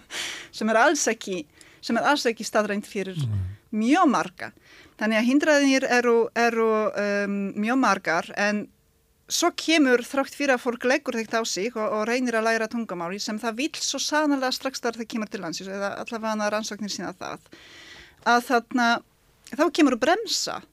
Þá vitkomandi sem hefur farið í tvo, þrjú námskið reynir að hafa samskipti á íslensku við Íslandinga mm. út í samfélaginu og þeim er svarað á ennsku. Mm. Og hvað gerist svo í vitkomandi? Uh, ég hef ekkert fyrir að læra íslenskuna. Uh, ég fæ bara gaggrinni á mig. Uh, fyrir að tala ekki rétt. Það er það ekki rétt, af því að það er ófullkomið, af því að það er talað með hreim, af því að það er beitt vittlaust og mm Uh, fólk er að flýta sér í, í þarna samskiptum við innflytjendur og skiptir yfir á ennsku af því að þeim finnst að allir geta talað ennsku sem, mm. sem er ekki við vitum það. Mm. Þannig að um, já, það er erfitt að læra íslensku og, og vera partur af íslensku samfélagi míðað við um, þessi viðbrökt mm. og eiginlega rannsóknir sína að fyrsta tungumáli sem innflytjendur læra á Íslandi er ennska. Mm. Sem er sérstækt að, að fólk sé að tala saman á ennsku sem er kannski hvort með ennsku sem sem móðurmál eða jafnvel annað mál og, og, og hefur ekki heyrt hann og lært hann á æfi Það sem hún að lýsa er svona að íslensku kjensla er brengamál þeirra sem innflytjenda. Og þau koma sér upp og mhm. finna hann eitthvað starf Finnst þér að við ættum að líta á þetta sem svona samfélagslegt mál, að við ættum að, að líta á það sem bara verkefni í samfélagsins, að, að hjálpa sem allra flestum af þessum 70.000 til þess að læra íslensku? Svo sannarlega, já takk, ég meina, mm. maður heyrir nánast ekkert annað í frektum heldur en að við verðum, eh, verðum að verja íslenska tungu og, og um, já það á núna í haustarata þarna aðgerða áæklun í, í málutnum íslenskar tungu um, núna á alþengi og, en, en mér finnst það er samt voða líktið tekið á því að uh, bæta í aðkoma og innflytjenda að þessum mm. máli. Ég meina annað er að verja hana sjálfa en hitt er að undirbúa vel innviði og okkar einn ábyrð eða finna okkar einn ábyrð í því að tala þetta mál mm. og gera það að aðgengilegri fyrir innflytjendur til þess að, að við erum ekki að fara að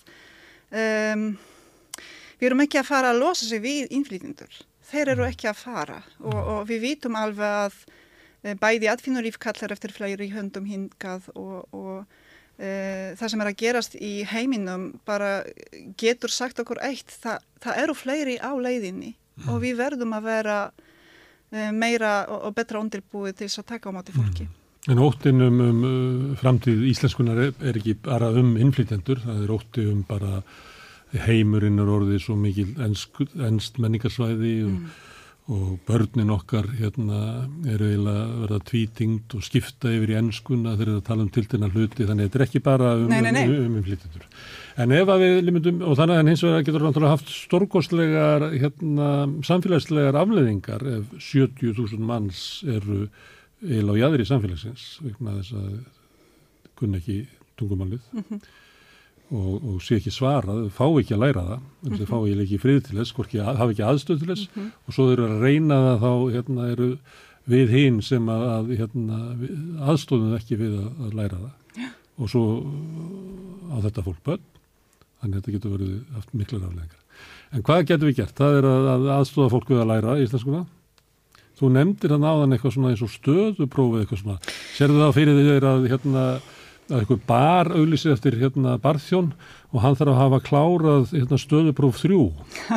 Er það eitthvað svoleiðið sem þú tala um? Já, til að byrja með. Allavega, ég meina við höfum þennan íslenskan, uh, við höfum þetta uh, evrópska tungumálaramma sem hefur verið að reyna að innleiða hér á landi en að mínum að þetta, þetta er ekki nægilega vel gert. En já, svo sannlega, við þurfum allavega að eh, ákveða og sammála um hvað þýðir að læra stík eitt eða hvað vitkomandi þarf að vita, kunna og geta eftir mm. stík 1, 2, 3. Við þurfum svo sannlega að útvaða miklu fleiri námsleiðir til þess að læra tungumál. Við tengja þetta betur við starfið og áhuga mál. Ég meina sannskar rannsóknir sína að það eru örfáir einstaklingar sem geta lært tungumálið í uh, kennslustöfu. Ég meina þetta hendar bara ör fáum einstaklingum. Langt flestir okkar ef við skoðum ég að vera Íslandinga og þeirra ennsku kunnáttu þá náttúrulega lærum við tungumárið nánast allt lífið og í gegnum ímislegt þar aðalega samskipti. En til þess að uh, hafa bæði stöðupróf og til þess að hafa staðla íslensku þá uh, þarf svo sannarlega fleiri rannsóknir í íslensku sem annað mál líka og hvernig á hún að vera kent og hvernig e, það þarf svo að aðstöða kennara líka í íslensku sem, sem annað mál með námsefni og bara faglegan stöðning. En e, ég hugsa það væri svo miklu auðvertar að geta gert það hefði þetta verið undir einu ráðunæti eða einhverju einni stöpnum en ekki bara viða um völl. No.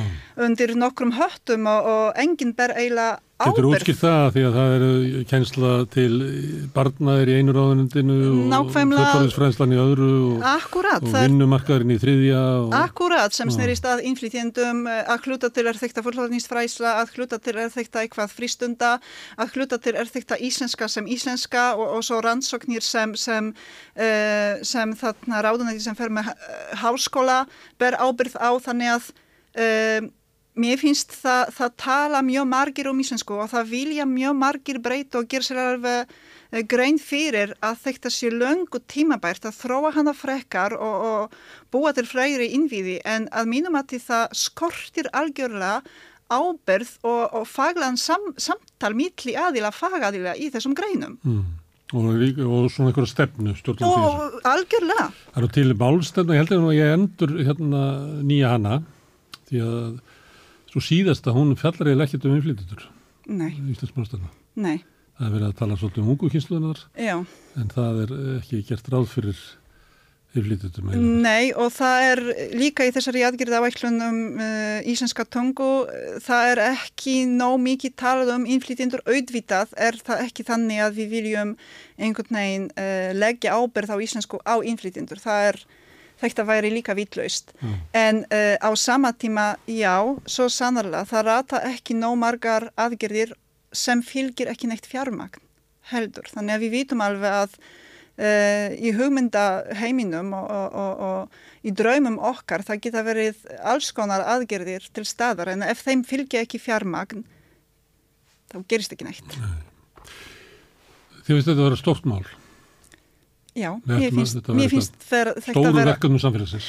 mér finnst þetta vera mjög stort og einn af þessum brínustum og auðvitað mm. uh, það beinist um, eða það, það hefur afleiðinga, alvarlegustu afleiðinga, á þennan hóp sem er sem berskjaldasti, sem sagt sem verður lálauna fólk sem, sem hefur slæma aðgengi að uh, upplýsingum sem mun aldrei geta aflað sér upplýsingar af því að það hefur ekki einu sinni um, tækifæri til þess að tala við Íslendinga.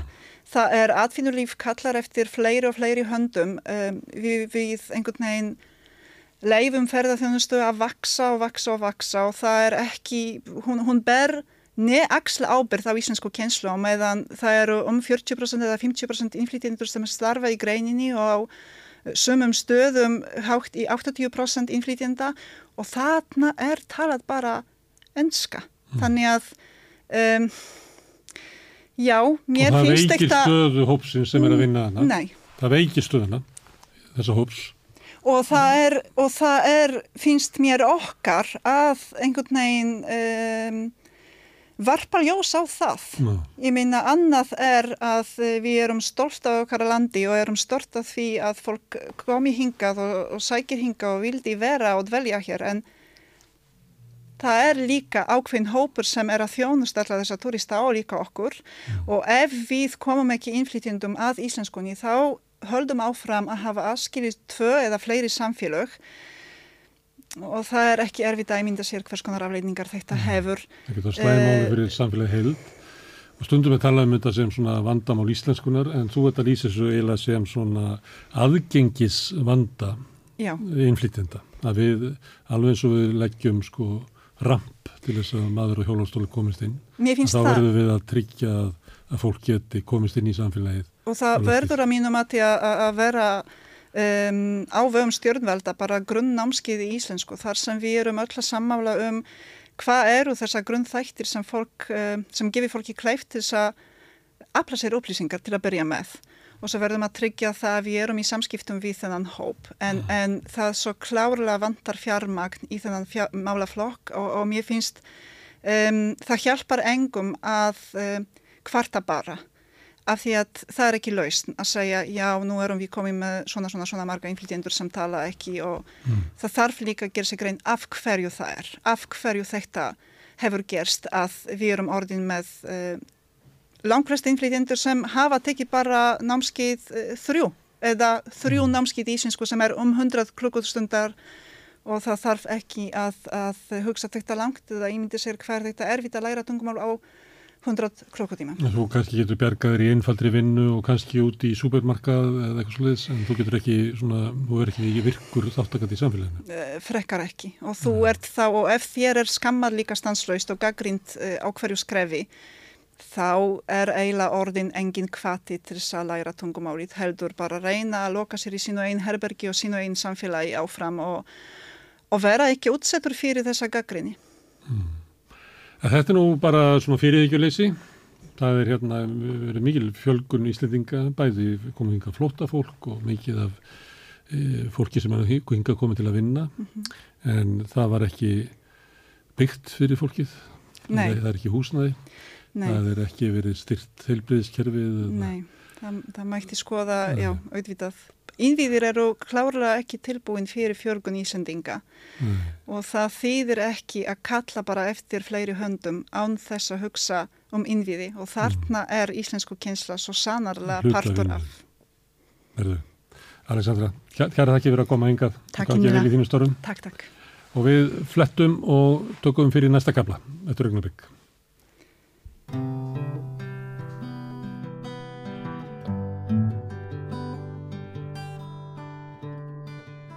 Komið sæl og verið velkomin að Rauðaborðinu. Ég heiti Otni Eir Ævarstóttir og til minn er komin góður gestur Grímur Allarsson, framkvæmdastjóri Geðhjálpar og Grímur Allarsson sem einstaklingur líka.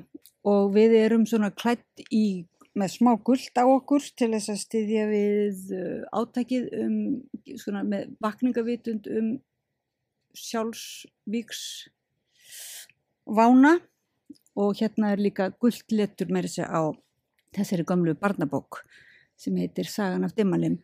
En það er nú önnur saga. Grímur tilefnið er álíktun geðhjálpar sem er einhvern konar svar við uh, þurðulegum orðum fjármálar á þeirra um svona geðheilbreyðismálið og aðgerðir stöðuna í málunum þar sem að raunverulega hann er bara að vísa frá sér ábyrðinni. Getur aðeins sagt mér frá þessari þetta er svolítið flott álíktun og vel unnin fannst mér að lesa hana. Já, eh, sko kannski það sem að fjármálar á þeirra er að í rauninni opimbera eða sína. Hann er að sína svona tókstreitu sem er á mitti tveggja stjórnsýslu stiga á Íslandi sem eru þá sveitarfélögin og ríkið. Mm.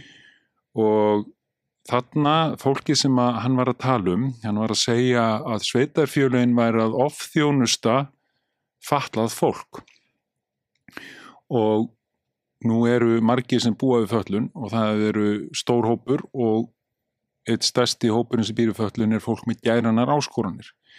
E, og þessi hópur það er svo sannarlega ekki verið að ofþjónusta hann á neitt nátt e, en það sem að fjármálar á þeirra segir er svona, það er svona byrtingamind í rauninu ákveðni fyrringu fyrringu sem að byggir á í rauninu þekkingalessi og svona kannski ég, ég ætla ekki að segja vannvirðingu endilega en, en það er þekkingalessi á stöðu fólk sem er á jæðurinnum í samfélaginu. Því þeir sem að búa við föllun eru miklu líkar, líklegri til þess að vera e, fátækir sætja vera, vera, vera í fíkn, vera í öðrum svona, í svona vanda sem að hérna, ég margir sem eru í kannski, ég get ekki sagt í svona kannski forreitindastöðu, kannast bara ekki við. Mm. Og þannig erum við að tala um hóp sem að sveitafjölögin og ríkið er að tókast á um hver eigi að þjónusta. Og í staðis að þjónusta þau að þá er bara boltan og svona kastað á milli. Er þetta ekki, fyrir, er ekki svo litið svona ángja á þessari gömlu hugsun bara raunverulega þetta sé auðmyggjarskapur svona sem sagt hvað eru orðin margir eins og segir það eiga svo margir við e, það er orðin svo margir öryrkjar og þetta heyrir maður svo mm. oft að, og, og fík, fíkni vandi að það er raunverulega afneitun á því að þetta sé alvöru vandi og sem tilherir samfélagin og sé samfélagslegur vandi en ekki bara einstaklingsbundin mm -hmm. vandi. Er það ekki svona stóra... Jú, það má kannski, þú veist, það má segja það þó ég ætla ekki að ætla það. Nei. Ég held að það komi út úr, það getur verið svona þegar þú ert ekki inn í þessu meir en þetta og þegar þú svara svona þá eru kannski verið tilbúin að fá það yfir þig. Að þú sért í raunni með þessa, þá viljum við segja fordóma, kakvart fólki sem er ekki alveg eins og þú og við þurfum að, að breyta þessu. Og við þurfum að varast þetta. Þetta er svona polarisering í samfélagin í fleiri málum. Þú veist við sjáum þetta í, í, í, í málöfnum trans sérstaklega og, og, og, og hérna samkynneið eða þú veist það er bara svona, svona polarisering. Fólk, fólk segir ef það er ekki þar að þá, þú veist, þá kemur alltaf þetta en, ég er ekki rasisti en eða þú veist, ég er ekki en. Það þarf heldur ekki að segja, ef að þú orðar þetta svona eins og hann gerir, þá er það svo tæknilegt að það Mhm. getur umvel bara farið fram hjá manni og, og, og maður getur tekið þetta sem svo að þetta sé svona bara tæknilegt, einmitt þú Mhm. segir eitthvað stjórn, síslulegt atriði Mhm.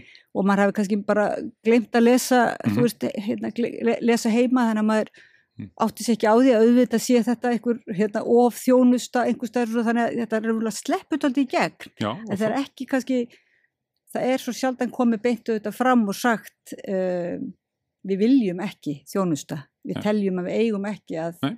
veita þessu þjónustu En það er auðvitað kannski, svo kemur og það er annað svona tæknilegt atrið sem að stiður þetta eru síðan þegar koma fjár, hérna, fjárlög. Þau eru svona tæknilegt, Mm. tæknilegt atrið sem er sett svona fram og þá sínur henni hvað þú ætlar að gera. Og við í náttúrulega hópur sem býr við gæranar áskorunni hefur henni svo árum skiptir henni eiginlega frá upphafi alltaf verið svona síðasti hópurinn.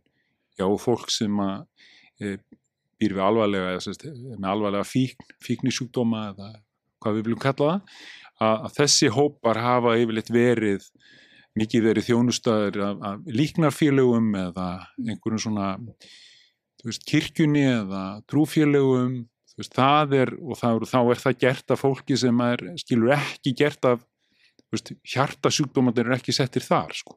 Þú veist, við erum ekki með samhjálp að þjónusta fólk með hjartasjúkdóma eða krabbamein er ekki, við sendum það ekki Krísuvík, skilur við. En þó, þó er ekki, þú veist, Krísuvík er góður staður. Það er ekki, það er alls ekki, þetta er bara sýnir kannski forgangsröðuna og, og hvernig, að því að fólk veit ekki, það, það, það skilur þetta ekki að því að það er ekki þarna. Að því að það er komið svo langt frá þegar þú býrði ákveðin forréttindi eða kemur hún í heiminn og ert hérna megin við einhverja línu að þá er þetta svo mikla litla líkur. Þú, býrði í einhverju svona hverfi eða einhverjum stað þar sem að er bara þú regst lítið á. Vandin er ekki jafn mikill og, og þeir sem að kannski búa í fjölbrettari hverfum. Mm. og sér að bara hvað eru margir í ríkistjórninu sem ólust upp í breiðholtinu, í efra breiðholtinu þú veist, hvað eru margir þú veist, sem að koma frá rauvarhöfn eða þannig kannski uh, fáir en, en að það er langt í burtu en þetta er svona hvað eru margir úr fósfóinum og hvað eru margir úr garðabænum sko. Jú, jú, en svo, þetta er náttúrulega einmitt, reynsluheimurinn er fjær en á hinbói náttúrulega uh, spyrja geðrænir örðuleikar ekki um stjætni stað sko er Nei, nei, náttúrulega- þannig að nei, það má segja, manni finnst að, að hérna svona flestir hafi átt að kynnast einhverjum einstaklingum og kynnast af eigin raun en þá hlýtur að vera einhvers ein- einhvers konar virkilega afnettun og frávísun í gangi sem er náttúrulega þá líka svolítið geðrænt vandamál má segja. Já, sko líka það er bara spurning hvernig þú vilt, þegar þú þegar þú ert vel stæður og, og það kom upp vandamál og það er auðveldara nema fordómandi sem þú hefur það er oft fordóma sem þú hefur gagvart því að eitthvað sé fær úrskeiður svo er að fela þannig en það er auðvitað, það er vitum það við búum orðið í það er alltaf verið að stjættskiptara samfélag hvað það varðar að, að þeir sem eiga mikið af peningum Mm. og þurfa á dæmis betri helbriðis eða góðri helbriðisþjónustu að halda, þeir geta fengið hennar annar staðar en hér. Þú getur orðið keftið frá hlutum. Og þannig var ekki samfélagið og það er kannski ekki heppilegt þegar svona lítið samfélag er að fara mikið í þá átt. Og það er eins með þetta með gæranar áskoranir að, að hérna kerfið það hefur verið fjársvelt lengi og, og það vita það allir að, að bara starfseminn hún er undimönnuð það er mikið um, um, um veist, innáskiptingar, það er, að veltan er svo mikil á, á starfsfólki og það er lítið, þetta er sá svona svo grein innan til dæmis spítalans það sem eru flestir ófaglærðir Mm. að störfum í þessu og í öldrunar geranum og hérna þannig að hérna, þegar þú ert búin að vera lengi þannig kerfi að þá er þá er við, þú veist, bara þessi almenni borgari sem fer, það, fer þar þjónustuna getur alveg verið ágættistjónusta en hún er ekki endilega góð og svo eru bygglistarnir mjög langir. Og, en þeir sem eiga fjármagn þeir geta farið annað og það er kannski það líka sem að byrtist í því þegar þú segir sveitafélagunur of þjónusta að þú þart aldrei að hafa áhyggjur af þessu. Þú, það er, en það er kannski gott og vel kannski það, það komið fram að við viljum hafa samfélagið þannig að þú þurfi bara að kaupa þig tryggingar eins og í bandaríkjónum eða þá bara borga þig þá er það bara þessir sem eiga peningana sem fá bestu þjónustuna og þá þarf það að koma fram bara skýrt. Já, já, akkurat, mann finnst þetta að koma fram og líka eins og kannski þetta er búið að gerast á tilturlega stuttum tíma á Íslandi svona hvað er orðið mikill munur þessi sko munur á milli stjættar ömurlega þar sem að börn uh, í litlu samfélagi þá er svo mikill samanburður eins og hjá börnum á hérna svona hvað fóraldrættin geta leift sér og veitt börnunum og svo leiðis mm -hmm. þetta hefur alltaf verið hefur alltaf verið til staðar stjættaskipting en, en hún er kannski orðin svolítið að ég tel og mar margir tala um það líka svona hún er meira ábyrrandi en það er ekki kannski mikil svona meðvitundum við erum ekki mikið að ræða um það þannig að það er einhver á gráu svæði held ég eins og krakkar skilja það ekki mm -hmm. Nei, ég, ég held að þetta sé bara þetta er alveg rétt og, og, og þessi sko þessi efnishyggja sem að hefur tekið yfir og við sjáum það líka bara þú veist skoðum hvernig börnin hafa það í skólanum og svona hvernig þeim líður hvernig það er nú verið að mæla þetta að, að þú veist þetta er svona niðráfið líðaninn og það er náttúrulega tengist í að við erum líka með þetta við erum með samfélagsmeilan og þetta kemur inn á, inn á líka þess að kynfræðslu sem er að ræða núna veist, og það ríkur hér upp fólk og börni að vera börn og allt þetta en á sama skapi eru við, veist ef við spyrjum bara tí ára börn, hefur þú hort á klám? Mm. Já, bara öll. Og bara er það, skiluru, og við megum ekki tala um kynfræslu við þessi börn. Mm. Við höfum bara, bara býða á því það þau ætla að fá að vera börn. Mm. En við gleymum því, gleymum því að þau eru annar staðar að verða, verða allt og fullorðin langt fyrir aldur fram og, og hérna vegna þess að við erum búin að við erum bara með samfélag sem er svona. Já, það er einhver svona börnirlótin halda það, það að við höfum öll mjög gott á Íslandi mm -hmm. við séum öll jöfn mm -hmm. uh, börni að vera börn, börn mm. séu, sko það er einhver svona einmitt meiri háttar uh, tvískinningur í gangi sem að lítur að fara óbúslega illa í geð barna og það er náttúrulega fullorðina líka, fullorðina líka. En, en hvíði það er hérna þú sendir mér gögn sko um eins og livjanótkun íslenskara barna mm. það er náttúrulega óbúslega sláandi Já. það skulle vera bara kvíða og þunglitislif mm frá sex ára aldri mm mesta nótkun er það ekki bara í Evrópu eða... Jú, ég heldur bara í heiminum sko, við, svona, við vorum að því bandaríkjuminn hafa verið sko því þar eru stóru livjafyrirtækjum svo sterk mm. þau hafa verið svo lengi svo sterk og svarið hefur verið svo mikið patentlösnin og þeir hafa náttúrulega átt sinn þetta, þetta oxykontin er bara eitt af þessum livjum sem að bandaríkjuminn hafa glift skiluru bara með markas heikjunni og, og, hérna, og við erum svolítið slæmið þetta. Við, við, og, og kannski sko líka náttúrulega ef við tökum svona því að þetta er viðkvam umræða hún er þannig að veist, það er nefnilega börn sem að gagnast að fá líf og hjálpa þeim mikið og bjarga þeim sko og fullhóru fólk líka en hvað er það sem veldur því að samfélagsgerðin er þannig að þér einhvern veginn líður ekki vel? Og þá við hefum svolítið að vera að skoða hefur gæðhjálp, fara aðeins aftar og sjá í rauninni, ok, nú batna koma. Veist, hvað veistu? Veist, hvað veistu sem foreldri? Hvað er veist, hvað býður þín? Og hvað er þetta? Við erum orðin svo við erum orðin svo aftengt þessu sem það var, þú veist, þegar við vorum öll í þessum byggum á þessum ættaróðulum hvort sem það var á sveitabænum eða á mölinni þess að maður langa maður var neðst og svo amma í miðjunni og svo, svo yngsta fólkið efst eða eitthvað svolítið, það var mjög algengt sem voru og, og það þetta sjálfsögðu voru þetta konur sem voru þar. En, en sann sem voru þetta, þetta munstur það sem að nefnir, þú það, það, þú læriðir hluti sem að voru, voru veginn bara partur af einhverju þróun yfir í það að sko við létum svolítið svona samfélagi taka við því að þú veist þessari reynslu þekkingu já reynslu þekkingu og það er svona og, og þegar við eignum spötn og annað þú veist að þá að þá þurfum við rauninni bara að komast aftur á vinnumarkaðin veist, sem fyrst. Og það er baráttan, veist, þetta var baráttan að geta komist á leikskóla, þú veist, þegar þú varst fjagur árað eitthvað neginn þetta og bara væri til leikskólaplass og það var ekki bara hálfur dagurinn nema fyrir, fyrir einstaða mæður sko, eins og það var hérna fyrir, þú veist, 30 árum eða 40 árum yfir í þetta að við erum bara komin í það að, að, að sko einhvern veginn að útvista öllu þessu, þetta hugtak sem er náttúrulega viðbjóður sem kemur úr, úr einhvern veginn markasíkjunni að, að það er allt einhvern veginn verið að útvista öllu. Við útvistum okkur sem foreldrum, við, við útvistum þrifum á, á spítulum, við útvistum mötunettum og við, út, veist, við seljum bankana og við erum öll í þessu, öll í nafn ykkur að hagraðingar. Og þetta er orðið þetta fer inn í þetta og ég, og við hefum verið svona að fara yfir þessa stöðu hvers vegna við stoppum ekki reynir kannski að stúdera það hvaða áhrif það hefur þetta samfélag mm.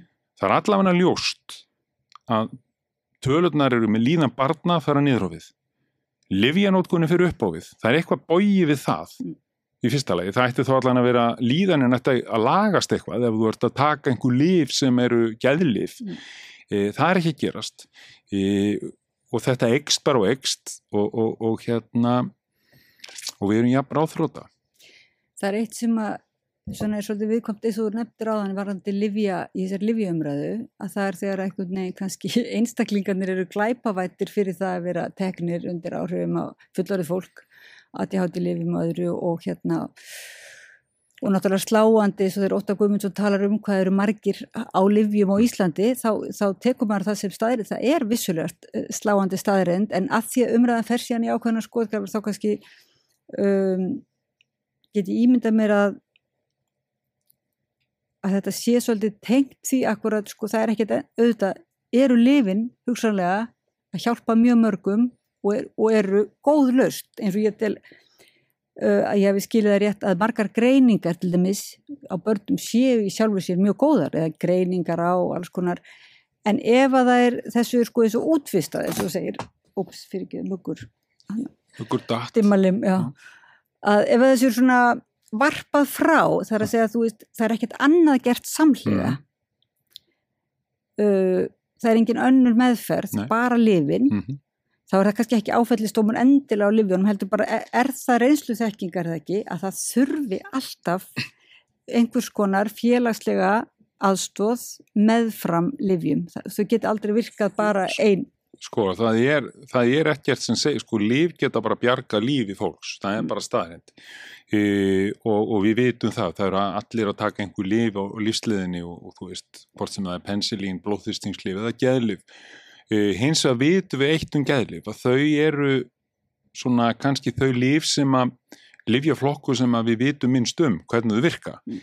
Við getum þó sagt að ADHD-lif eru, eru góð geðlif að því leiti þau eru með háa virkni. Þau virka vel.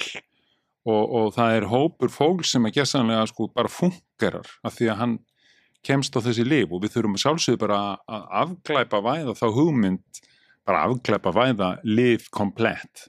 Það er náttúrulega við þessi, þessi, þessi sturlun sem, sem Nixon kom innleiti hérna inn í, inn í vestrana heim sem að þetta stríð við, við fíknefni, það var bara byggt á því að hann var í vandraði með Vietnám og þurfti að ná í nýja sögudólka og alls konar og þá bara býrðu til svona rugg og við sem uppdýst fólk hefum bara hafnað þessu og, og hérna, skila þessu.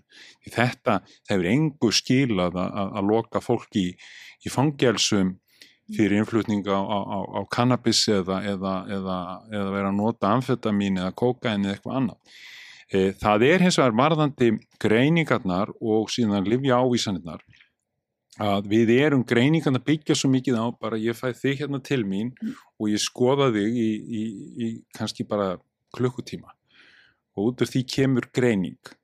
En það er bara greining á einhverju stöðu sem er akkurat núna, ég ber lúta því að þú skrifaðir eitthvað krossapróf sjálf og, og svona, eða þá að þú ert fóreldri bart svona, en það er ekkit verið að stúdera, býtu, kom eitthvað fyrir þig er eitthvað sem að, við vitum eitthvað hvað gerðist. Býtu, ok, þú ert hérna eins og ég þekki mann ágæðlega sem að hérna fór í manju á ákunnu tímabili lífsíns Uh, og ef að ég settist bara um að tala við hann og ég var að tala við hann og þannig að þá ný, nýverið missbáðu fóraldra sína veist, og hann var fullorinn maður en þetta gerist á mjög stuttum tíma og þá bara mista hann svolítið svefn núna. Þetta eru eðlileg viðbröð líka.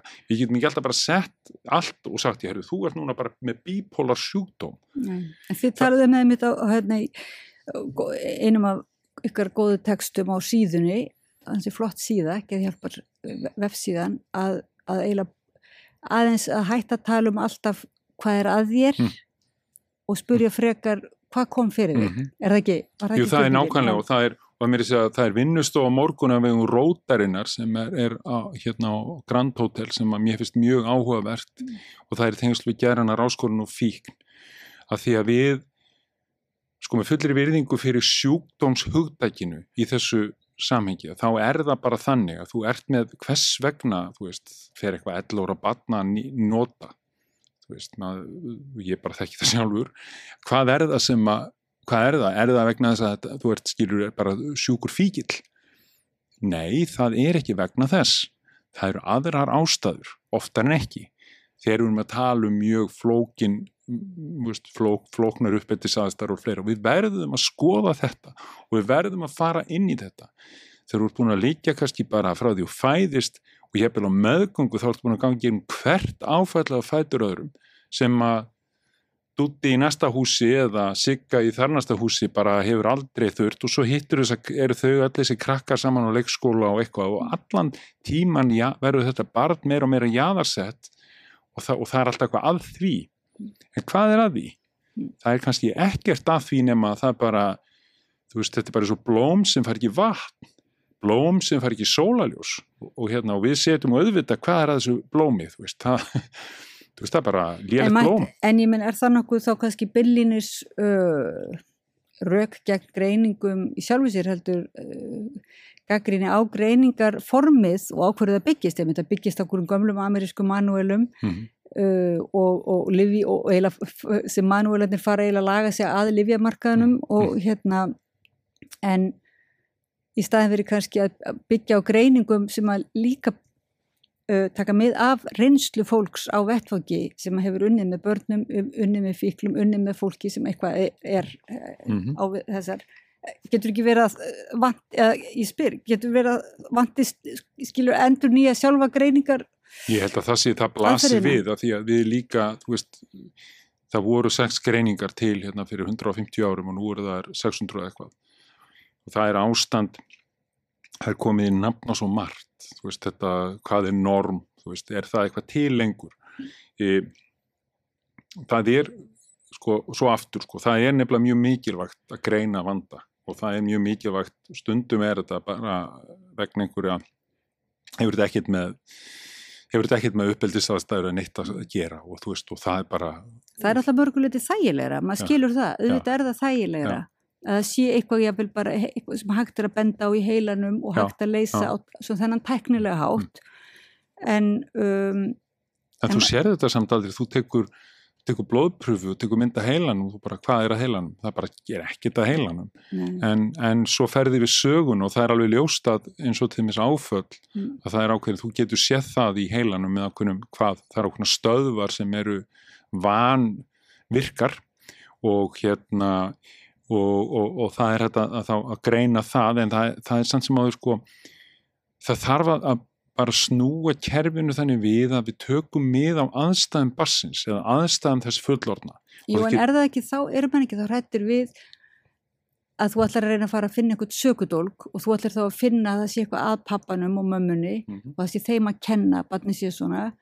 Og þess vegna Já, það, kannski eh, sko, máli vilja- við verðum hins vegar einhvern veginn, barni verður að fá og það, það, fari, það þarf ekki að gera þetta með þeim hætti. Við snúum þessu svolítið við, við byrjum bara á því að, þú veist, þegar ég, bara við förum í gegnum það, nú, þú veist, að eiga barn í þetta, svo fær maður stuðning við það, það er betri sko, við erum líka að hugsa um það það er börn verða líka einhvern tímann að njóta einhvers vafa þau get ekki bara verið 16 ára og ég þekki það bara úr mínu starfi. Ég hef unnið svo lengi í þessu að ég hef hitt börn sem að kannski mætti skóla í tvö ár og eru í tíundabekk eða ætti að vera í tíundabekk og, og er ekki einu sem er skráð, þú veist, er ekki, það er hver ekki vita hvað þau búa og þetta er bara hérna í þessu samfélagi og, og hérna, og eru, fóraldrarnir eru, eru í miklum vanda, hafa verið í miklum vanda bara í alla, að, bara allt líf bassins og, og félagstjónustöðin er búin að hitta þessa fjölskyldu kannski 20.000 sinnum, skilur á þessum tíma, ég segi svona, en það er samt búin að hittast oft og, og það aldrei.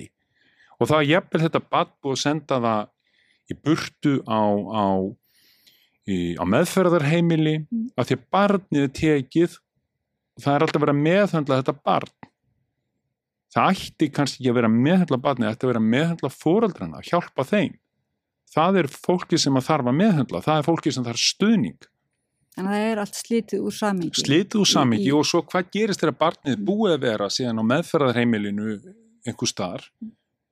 Hvað gerist þá? Það kemur það heim hvert. Og hvað er búið að gera þar?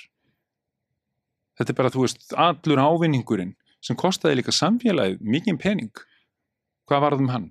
Það er unni sko, enda eru eh, rannsóknum sína, það er miklu betra að veita þennan stuðning heima heldur nokkur til að taka börn í burtu því það er minni árangur, þú veist, nema, nema bara barni fari varanlega, en við ætlum að, þú veist, það er ekki leiðin, leiðin er að styðja fóreldra, gera þeim þetta hlutverk auðveldara og það þetta er líka það að fátækt er uppspretta óhamíkju, þú veist, hún er uppspretta húsnæðiskorturinn, fátæktin, strögglið, það kallar á alla, þú veist, kallar á svo margt. Mm. Þetta er svona keðjuverkun og við erum aldrei að uppræta það. Veist, það, eru, það eru hlutir sem eru grunnurinn. Við förum bara í, við ætlum að setja 20 miljardar í eitthvað og það er að setja svo 10 miljardar í hitt. En það er aldrei farið í ræturnar sem er bara samfélagsgerðin, er hans, sko, hún er bara svona fjandsamleg fólki. Þú veist, það er einhvern veginn samkeppniselementið og allt þetta. Það er óbúinlega spenna í börnum, finnst maður náttúrulega bara auðvitað öllum, en finnst maður í samfélaginu svona, en það er mikið talað um til dæmis kulnun kennara og svona ástand bara í skólunum. Mm -hmm. þegar fórstu ekki fóru þið ekki geðhjálp svona einhverju svona lest var ekki geðlestin geðlest, já, geðlest út um landið og, og hittu fólki eða krakka í skólum fórum í alla grunnskóla Íslands og, og hvort sem að var Rauvaröfn eða Kopasker eða Bólungavík Patrísfjörður fórum í alla e, 8. til 10. bekk hittum það krakka og sem sagt hittum líka alla skólastjórnendur og, og kennara og og það var mjög veist, það var mjög gott og einhvern veginn sko það er svolítið sérstakt og, og kannski eða sérstakt. Og ég, ég veit nú þú prófaður að vera í svona litlum skóla og, og það eru þegar maður kom í þessi litlu sko minni skólana og svona þá minni spenna. Þegar maður kom í minni samfélögin sem að minni spenna e, og þú veist þessi, og það var mjög misjant hvernig það var til þess með þess að símanótkun og svona, að því að maður var og þú veist það var, stumstaði voru bara kakkatir í símónum þegar vorum að tala. Og, og þú veist, og, og sumstaði var það bara ekki leift og svona. Og, og þetta er allt svona einhvern veginn, það er svo sérstatt hvernig við lítum á og þessi þessi hugmyndum um aga og hugmyndum réttind og skildur sem er mjög áhugavert að pæla í, sko, hvernig í rauninni við lítum á það mér finnst svona, og það er ekki börnin að sagast, mér finnst eins og samfélagsskerðin hér og þar eru mjög margir sem að tjala, tala um að þeir eigi ákveðin réttindi. En þau hafa mjög lítið svona þess að samfélagslegu skildur eru sko margir sem vil, vilja forðast. Mm. og ég bel enn að, að svona segja manni svona gleðilega frá því hvernig þið náða að hérna, snúa á kerfið svona, og hérna, borga minni skatta og eitthvað svona. Þessi þessi sko, ég, að því ég bjóð í Danmörku, þá mann ég að þetta var svo, það voru allir svo, það voru svo, það voru svo mikið svona samfélagsvitundum svona, þú snuðar ekki, sko. Stöðut er einhverju sem snuða, en það er bara svona gegnum gangandi var það ekki. Þetta hérna var eitthvað sem bergmála, þú fannst þetta á, á, á, í þessari lest, þá fannstu þetta svona. Já, og þessi, og, og þennan sko mismun á, sko, já, og mér fannst svona, nei, það sem ég var líka að segja kannski var bara líka að, hérna, það var minni spenna Já. í mörgum að þessum minni stöðum Nei, líka þetta bara sem við varum að tala um vilja vera þessi sem rettar sér Já. og rappur en þess vegna er svona þeir sem eru efnaðir í, í samfélaginu Ja. og hafa svona Mm. jafnvel á kostnað annara efnast að það er einhver finnst manni stundum bara svona aðdáun Já. á því að þeir hafi svona bjarga svona ameríska hérna bjarg, bjarga sér sjálfur sko og það er virkilega svona kannski já, eins og segir, það þykir ekki mjög það er ekki mjög tísku að vera svona samfélags Meina, við, ég man, man sko eftir því að það var eitthvað þessum alvó livjum, alva, alva tekað eða alvó gen eða hvað það hétt sem framlendi svona eitthvað, eitthvað bleika hóstamikstúru sem var með kótinni og svo Justin Bieber er að drekka þetta og þá þótti rosa merkilegt að hann var að drekka þessa drullu sko. En sko þessi drulla var að drepa börn og, og fullari fólk bara út um allan heima því að þú veist, þetta er kótinnið sko og það segir mér sko við, við, við sem samfélag okkur við við, við, se, við setjum svona við metum það meira. Ef þú ert að bara, bara helviti gott hjá þér að hafa náð þessum árangri að selja þetta stöf og, og hérna þú veist, þetta var ekki oxykondín en þetta er bara næsti bær sko, þú veist, það eru veist, við þurfum einhvern veginn að, að hafa einhvern svona siðferðislegan sko, pæla meira í því stiðfyrslega hvað við erum að gera og hvað við erum að hugsa um og hvað við hvað eru verðmæti sko. En hvað fannst þér þessi svona fólk, hvernig fannst þér fólk taka því að þið væri þarna kannski fólk sem hefur mikla reynslu þekkingu og bara þekkingu beinleins uh, og eru tilbúin að gefa ráð og segja vel stjórnvöldu hvernig og fólki að vel gefa ráð hvernig finnst þér fólk, finnst þér taka því illa sem sagt að það sé ákveðin forræðisíkja eða segja því að það sé bara svona almenn andstæði við það að mannum sé sagt hvernig þeir eiga að haga sér og alveg bötni sín og þú veist sko þetta er þetta, þú veist, þetta er, þetta er mjög tvíbent og, og það er ekkert gott að segja fólki hvað það er að gera í sjálfu sér sko. það er ekki hugmyndin er sko, kannski það sem við reynum að gera almennt og séum hérna mjög kannski dökkum nótum hér Mm. þá erum við svona með strategíu sem gengur út á það að að tala um geð svona almennt að ná svona bara fólki inn á þá hugmynd að það hafi geðhilsu ekki andlega hilsu skiljum við, að því andlega hilsa er eitthvað sem að allir hafa en svo eru svona þeir sem eru eitthvað geðruglaðir að þeir eru með geðhilsu að bara viðurkenna það að við höfum geðhilsu við höfum kynhilsu við höfum, eh, þú veist, við erum með eh, svona blóðhilsu eða hvað það er lúna, með, veist, þetta er allt partur af okkur öllum. Mm.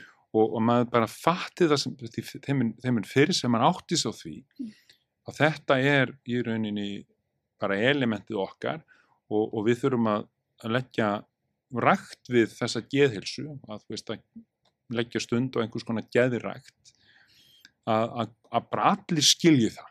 Veist, og þá held ég að, að það komist og svo erum við bara að tala um skiluru hvað, núna til dæmis erum við að fara af stað með ákveði verkefni þar sem við ætlum að spyrja fólk í rauninni hvað finnst þér að ég setja oddin Mm.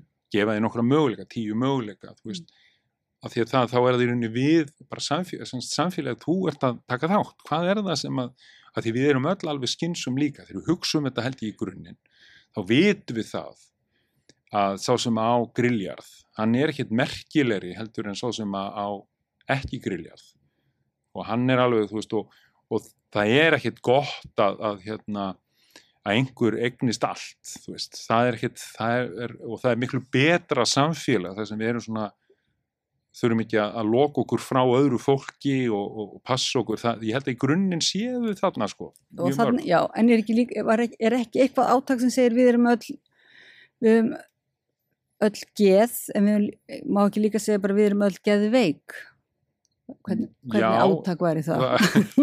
Ég, ég, held að, ég held að við munum öll sko hvort sem við segjum geðveik eða við munum öll einhvern tíman lífsleginni munum við, við glíma við gæranar áskoranir. Mm. og það er bara, það er spurning þetta með og það er ákveðin pæling þetta með sjúkdómin hvað er sjúkdómurinn sko? Og, og hvort að þú sért í rauninni með sjúkdóm eða hvort þú sért með einhvers konar röskun eða hvort þetta sé tímabundi ástand vegna einhvers og þá Já, er að spurninga í rauninni er þetta, er þetta sko það er, en ég held að það sé alveg rétt, við erum öll Já, sko, öll líka saman, við erum, það er náttúrulega, það eru ákveðin svona uh, samfélagið, við sem held erum doldið sjúk að mörgu leiti en við erum auðvitað líka eins og segir, við eigum líka okkar góðu sjóði og okkar góðu reyslu þekkingu og þá finnst mann eins og skólakerfi sé eigi að koma sterkast þær inn og þið hefðu unni mikið með skólum, er ekki geðlestir fyrir í skóla sko, já. Þannig að það er auðvitað, en það er ekkit mjög gott ef að, ef að einmitt launin eru það lág og, og, og, og hérna skólandir eru, það ítla mannaðir að fólk bara gefst upp sko. Og Já, En, það, en, en ef, að þú, ef ég bara spyrja því við þurfum nú að hérna svona draga saman bráðum ef að þú getur svona bara ef við hugsaðum um þessa ge- geðlest sem þú varst í og alla þína reynslu og náttúrulega þína persónlegu reynslu líka af því að vera batt sem að eins og þú hefur sagt frá batt sem að hefðir alveg þegið að fá kannski einhverja hjálp er það ekki eða, jú, jú. eða samfélagið hefði sko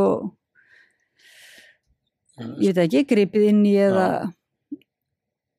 eða Hva- hva- hefður þegið það? Ég, ég hefði þegið það, já, já, ég held að, að hérna, ég hef alveg komið inn á það sjálfur, þó að það kannski, það er ekki endilega umræðefni en þá samt sem aður og þá, þá er það, við erum sko, veist, hugmyndir um skólakerfi, mér finnst alltaf svona að því að það er einhvern veginn, hvað, veist, ok, bara taka þetta, nú erum við með skólakerfi sem erum svona það núna, þú veist, þú byrjar eiginlega, sko, það er eiginlega bara leikskóli frá því þú ert eins á, sko, og, og svo ferðu bara bent í grunnskóla og, og það er í sex ára bekk og, og heldur áfram í rauninni það er eiginlega allir í svona tartafæri en ok, við skulum stoppa bara við búum með grunnskóla.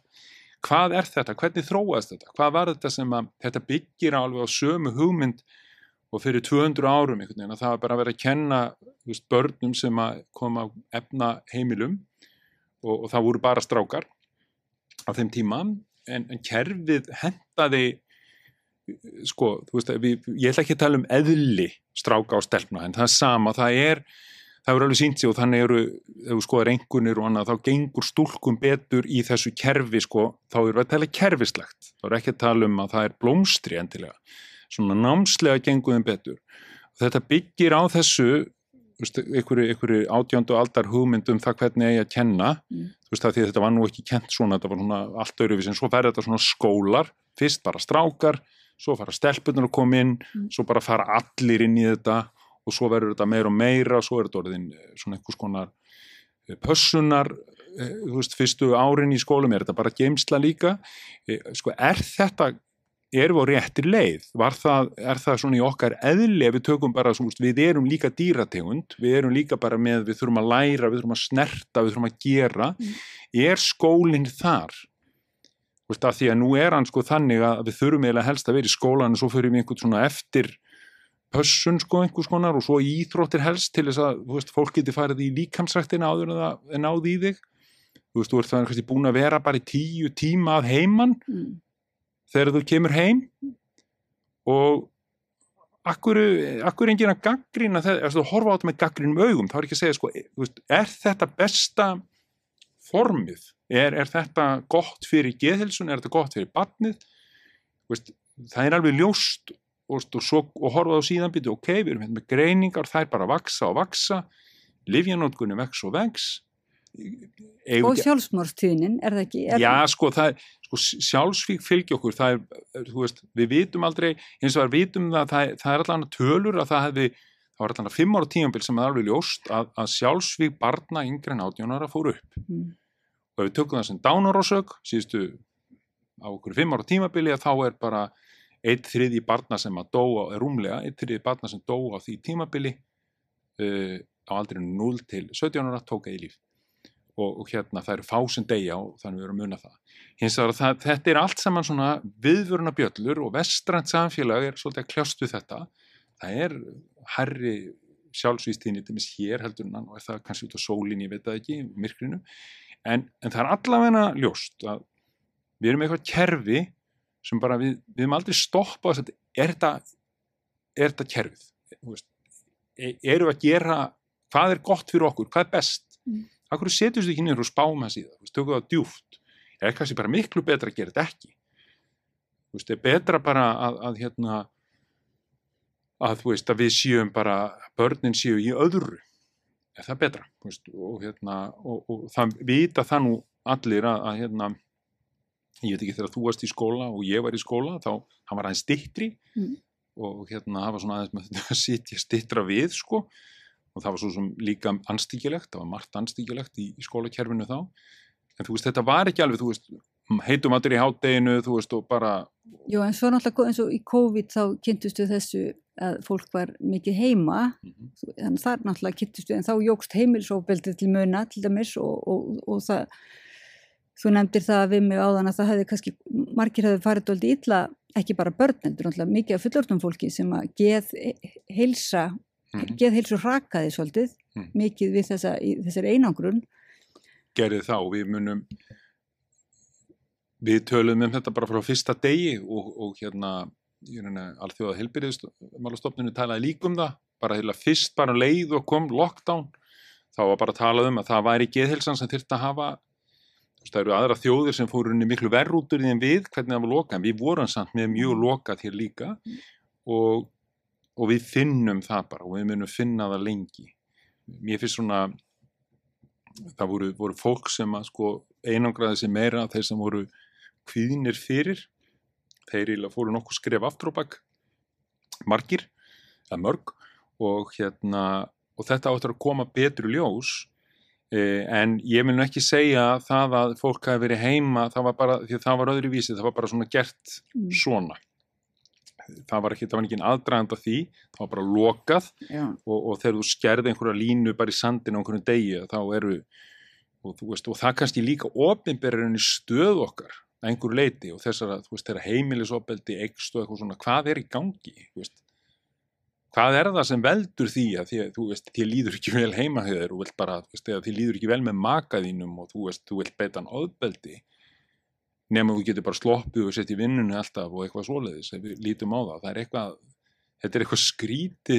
Já, þú en þú sér þetta eiginlega bara alveg frá uh, íhlutun og livjum og greiningum alveg upp í stóra kerð. Þú sér þetta er bara alveg svakalega stórt vandamál og hvernig við lítum á líka, er það ekki líka með ákveðna fordóma gagvart hvað geð, geðrænar áskoran eru alltaf eitthvað kannski, það er ákveðin þökkun sem fylgir skömm við erum með leifara, við erum ekki bara leifara kostningabaróttu Nixons heldur líka leifara af alls konar gömlum mm. kirkju þáttum og bara mm -hmm. einhverjum sem við en þannig að þú það fara um landi og ræða við krakka og ræða við fólk, það er náttúrulega, er það ekki bara kannski eina leiðin, það er að byrja að ræða allavega málið og, og svo breyta smá saman, en finnst þið fólk vera sko mótækilegt fyrir, finnst þið fólki finnast gott að ræða þessi mál?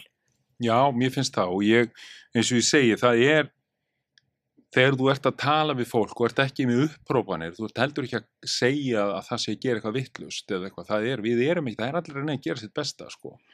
Og, og, og en hins vegar að þú þú veist, þeir eru bara opnar á hlutina við erum bara aðalega það sem við erum að segja kannski er bara hérna við getum alltaf gert eitthvað. Bara, við getum byrjað, minna, við bara sem fjölskylda sitjum hérna og, og í staðins að sko sofa alltaf kortir í lengur, þú bara sofi kortir í skemur og fyrir kortir í fyrir að sofa til þess að geta gert eitthvað bara sem er uppbyggilegt á mótni til bara eitthvað sem er svona innihaldsríkt og jákvægt að það er bara, þegar þú leggur það inn í þessu stressi sem allir er inn í að gefa sér eitthvað smá svona smá svona bara tíma mm. og, og þú veist og huglega hvað maður er að fara að gera það maður er að lappa stað inn í, inn í daginn þetta hefur, þetta er þetta er engin geimvísindi Nei, já, geimvísindi en ef það samt reynist einhverjir einhver nökrar á samskiptunum maður getur náttúrulega verið nöldurleðandi að þá bjóðu þið allavega upp á ráðgjöf hjá ykkur já. og og það er þetta, að segja, að, að fóruðra líta á þetta sem tækja þetta hlutverk alvarlega mm. að, og leiti sér aðstóðar þar sem að heimurinn er breyttur og ja. þetta er ekkit endilega eitthvað sem maður kann við erum ekkit endilega með meðfætta þekkingu á því hvernig er best að hérna, rekta samband og tengsl við, við uh, börnin.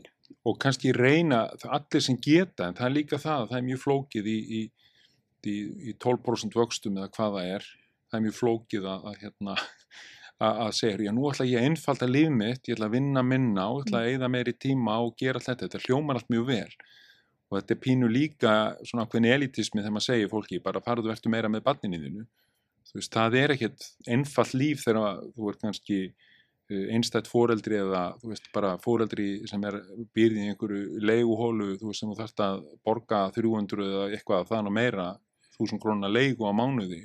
Og það kemur bara eitthvað fólk og segir hér og þú er að slaka þess á og hérna, það er. Þurfum að horfa þess á þetta. Já, þetta finnst mér svona kannski vera verkefni verkefni stjórnvalda á hverjum tíma. Það er svolítið að horfa yfir sviðið og greina það. Að þú veist að þú ætlar ekki að, að hérna, þe- það er þessi hópu sem þarf stuðningin það er annar hópu sem þarf engan stuðning sko.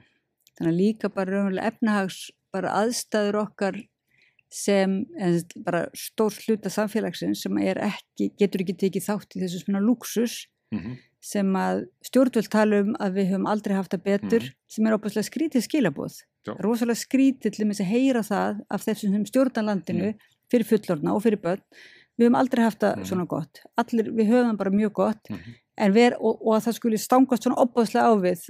Veist, þetta er einhvern hátt svona crazy making að veist það er verið að segja þér já, að þetta sé bara þér að kenna já, þá. já, og það það er bara eitthvað klikki- það klikkja þér, það eru þetta sko þau finnst þú mistir af einhverju. Þú mistir auðvitað bara það sem að það eru, það er þeir sem að að mista því að eiga foreldra til dæmis sem eignust og sem að voru að kaupa sér húsnaði hérna 1975 svo brann það upp í verðbólgunni skilur og bara átti það skuldlöst tíu árum síðar, var svolítið erfitt í 2-3 ár. Og þú veist og svo er þetta einhvern veginn verður þetta einhvern gjöf til barnana og svona. Þú veist það er alveg þú veist, þessi hópur, hann er ekkit kannski í vanda það eru hínir sem að voru kannski ekki þar og þurfa að finna, út úr þessu sjálf. Og veist að kaupa sér, get ekki fóreldrar að get ekki gefið þeim hluti. Og þetta er rosalega vond samfélag þetta byggir á því að, að þú ætti að einhvern veginn að, að við sem einhvern svona arf samfélag sem að þú veist það, það, það er hérna einhvern veginn þannig ekki um þegar þetta eruð meira þegar þú eignast bara heilan kvóta sagt, þegar þú eignast allan fiskin í sjónum líka með, með einhverju, einhverju arfbulli það er ekki góð, það er, það er vond og sérstaklega þegar við fyrir að tala um svona mikla peninga í svona litlu landi Mhm. að þá er bara nálagt manni orðið fólk sem er bara eru bara gemðirur þegar þú þurfa að horfir á það, þú bara skilur þetta ekki. Og ég ábáða að bóa eins og kannski það sem við byrjuðum á þegar fjármálar á þeirra segir að það sé verið ofþjónast ykkur fólk hann er bara á öðrum stað og hann skilur þetta ekki því það þekkir þetta ekki sko, þá erum við ekki að tala um endilega, ég held að allir séu búið við gerðanar áskoranir, hvort sem þeir eigi alla peninga í heiminum eða ekki. En, og svo hinnir sem að eru bara skilja ekkert í þessu hvernig óskubánum er hægt að fara tíu sinnum til útlanda á ári og, og, og eiga 15 bíla og, og hérna bara botningt í þessu. Þannig að óréttlega er ekki gott fyrir geðhelsuna ef þú verir fjármálar á þeirra og þeirra og þeirra hvað myndir þú svona gera ef, ég spyr því nú bara eins og þú ert- þið er að spyrja fólk hvað myndir þú gera? Já, sko, við tókum nú saman, við, við stúderuðum þetta svo litið, það eru svona nýju aðgerið sem við teljum við ætla að bæta geðhilsuna. Mm. E, ég held, held að svona kannski að jöfnuður sé, sko, það er, það er fyrir utan, það er fyrir utan, það er einu grunn, það er mikið grunnatrið ef við myndum geta komið á jöfnuð. já, er það ekki hluta þessu nýju Nei, það var ekki tekið inn sem sko, en það var, það var aðalega bara þessi möguleikar, Mm. veist, eins og þið ert í, bara þegar þú ert að metta átt vona barni og fáir ákveðin stuðning og fræðslu og svo þegar barni kemur farið mikinn stuðning og fræðslu, ekki þegar þú ert honum 15 ára og það er aldrei búið að koma þessi almennlegi stuðningur og fræðsla til þín og fóraldræðina, sérstaklega fóraldræðina. Mm. Svo þú kemur í leikskóla, þú veist að þú, þú ert alltaf, þú ert alltaf að stúderinu hvað er eitthvað að koma fyrir barnið, ekki hvað er að þessu barni. Af Því það verður þessi að þessu barni, það er, það er slæmt. Síðan eru, eru ímisatriði eins og virkni og fleira sem að hjálpa fólki sem er jaðarsett. Uh, ég held að það sé mikilvægt. En ef við tökum geðheilbriðiskerfið, nú að ég er í heilbriðis á þeirra, mm. að, að þá vitum við það líka að það hefur verið undir fjármagnað áratugum, svo áratugum skiptir. En svo ég var að tala um áðan að þá já, bæði húsakostur, mentun starfsmanna, hugmyndafræði, þetta er allt saman bara, þetta er barnsins tíma. Mm. og, og það er mjög erfitt þegar þú ert búin að vera með eitthvað kerfi sem er svona lengi undir fjármagn mm. og þá er svo langt en við þurfum að byrja einhvers staðar, það er nefnilega ekki að breyta þessu yfir nótt, það þarf að taka þetta svona hægt og rólega. Síðan er það þetta bara veist, að geta einhvern veginn átt líf á þess að, að hérna þú veist að borga húsalegan kostið ekki 80% rástöðunafíðinu, það gengur ekki sko, eða 90% það verður að vera eitthvað bil þarna og þetta eru þetta hlutur sem að fjármálar á þeirra og, og, og, og samfélagið bara vinna með. Og, og hérna Ég er svo sem, ef við tökum efnaðslega, þá, þá, þá veldi ég því fyrir mér akkur í óskupunum við sættum okkur við það að búa í samfélagi það sem að er alltaf 150 til 300% munur á stýrivöxtum heldur en í öðrum löndum og við erum alltaf með einhverja harri verbolgu, akkverju. Við erum búin að reyna þetta svo lengi, við erum bara lítil fyrir hennar gjaldmiðil.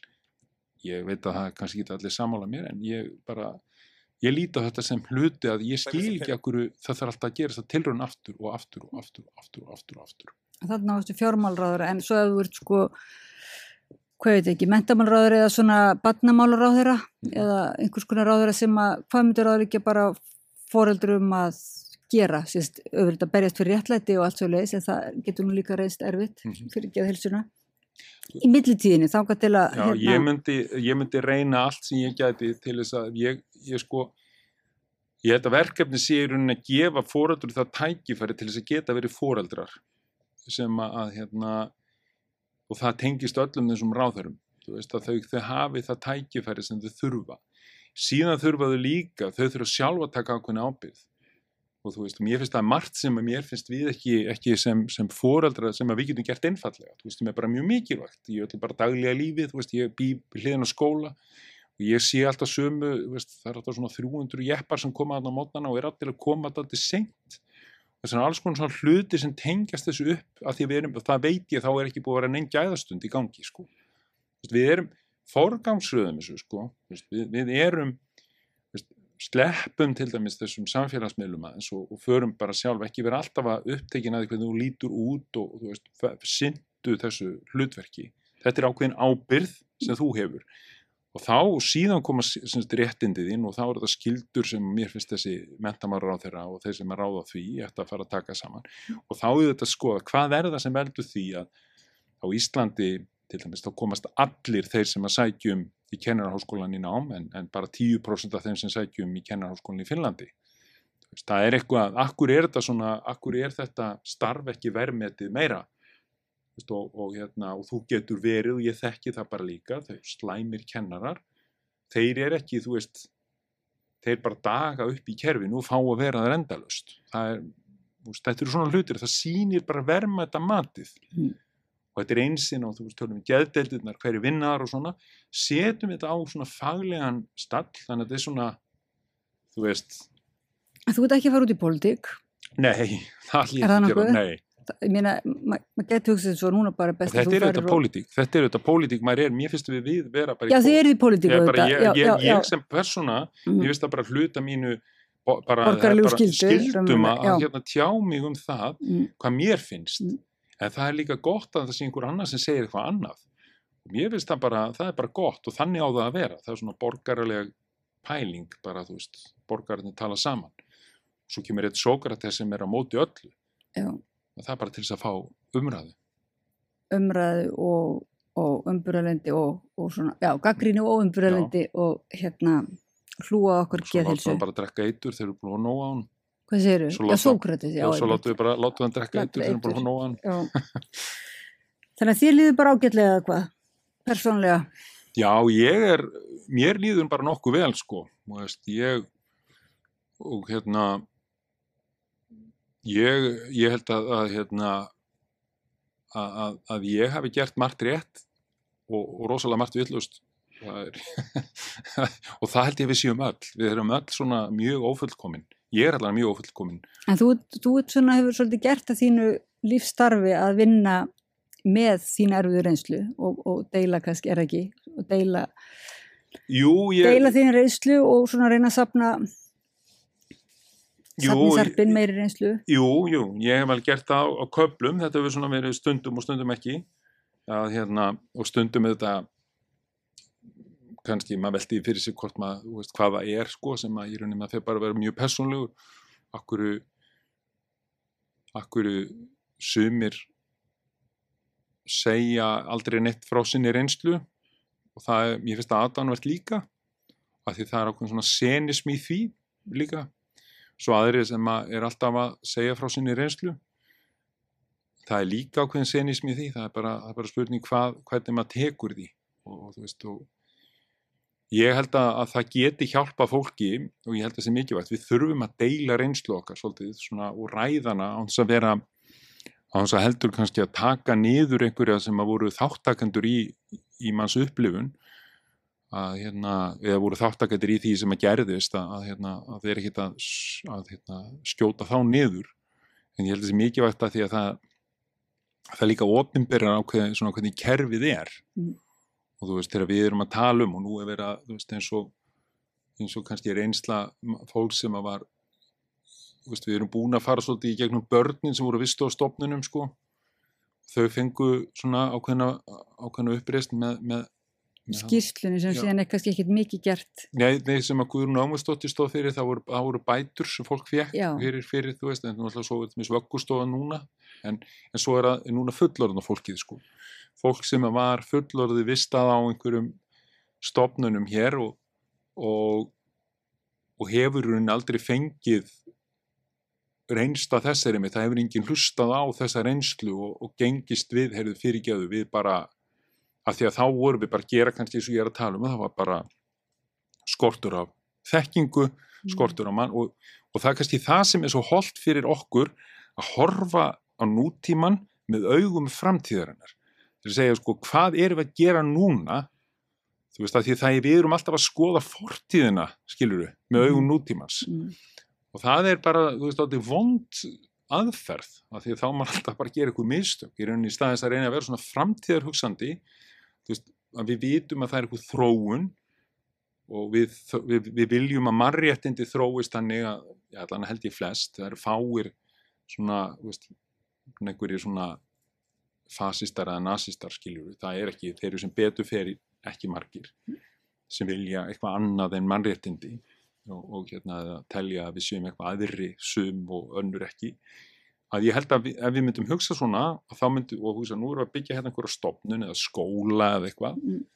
hvernig viljum við að hann sé? Ætlum við að byggja bara á því sem er að gerast akkurat núna eða var að gerast í gær og, og hafa þá bara aðeins betri en það? Eða ætlum við að byggja á því, þú veist svona, hugsa aðeins stærra en, en þegar maður hugsaður einmitt um já, kannski svona sorgin sem maður upplifir ef maður missir eitthvað, það er þetta að hafa ekki hlustað nógu vel á ekki, hlu- einmitt ekki, að maður spurði ekki, mm -hmm.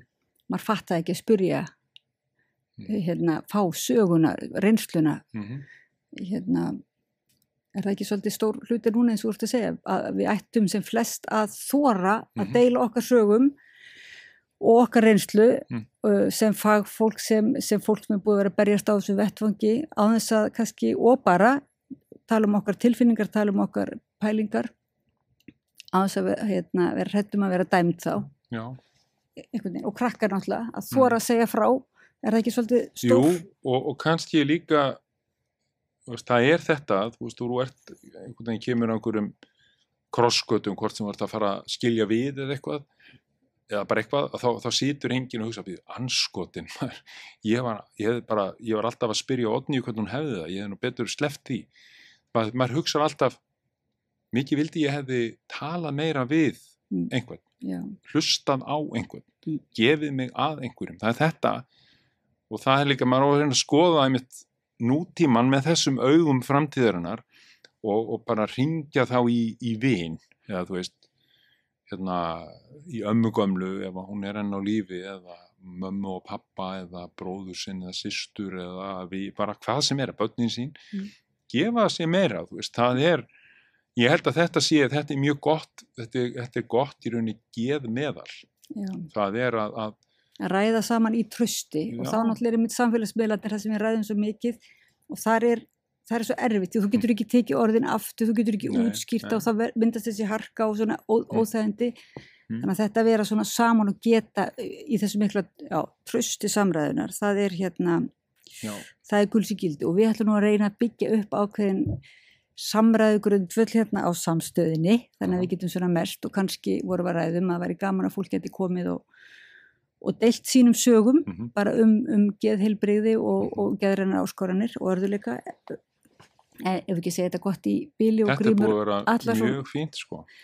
Er framkvæmda stjóri geðhjálpar og tónlistamæður og alls konar og þakka er alveg innilega fyrir að koma og taka okkur svona í smá lestarferð. Takk hérlega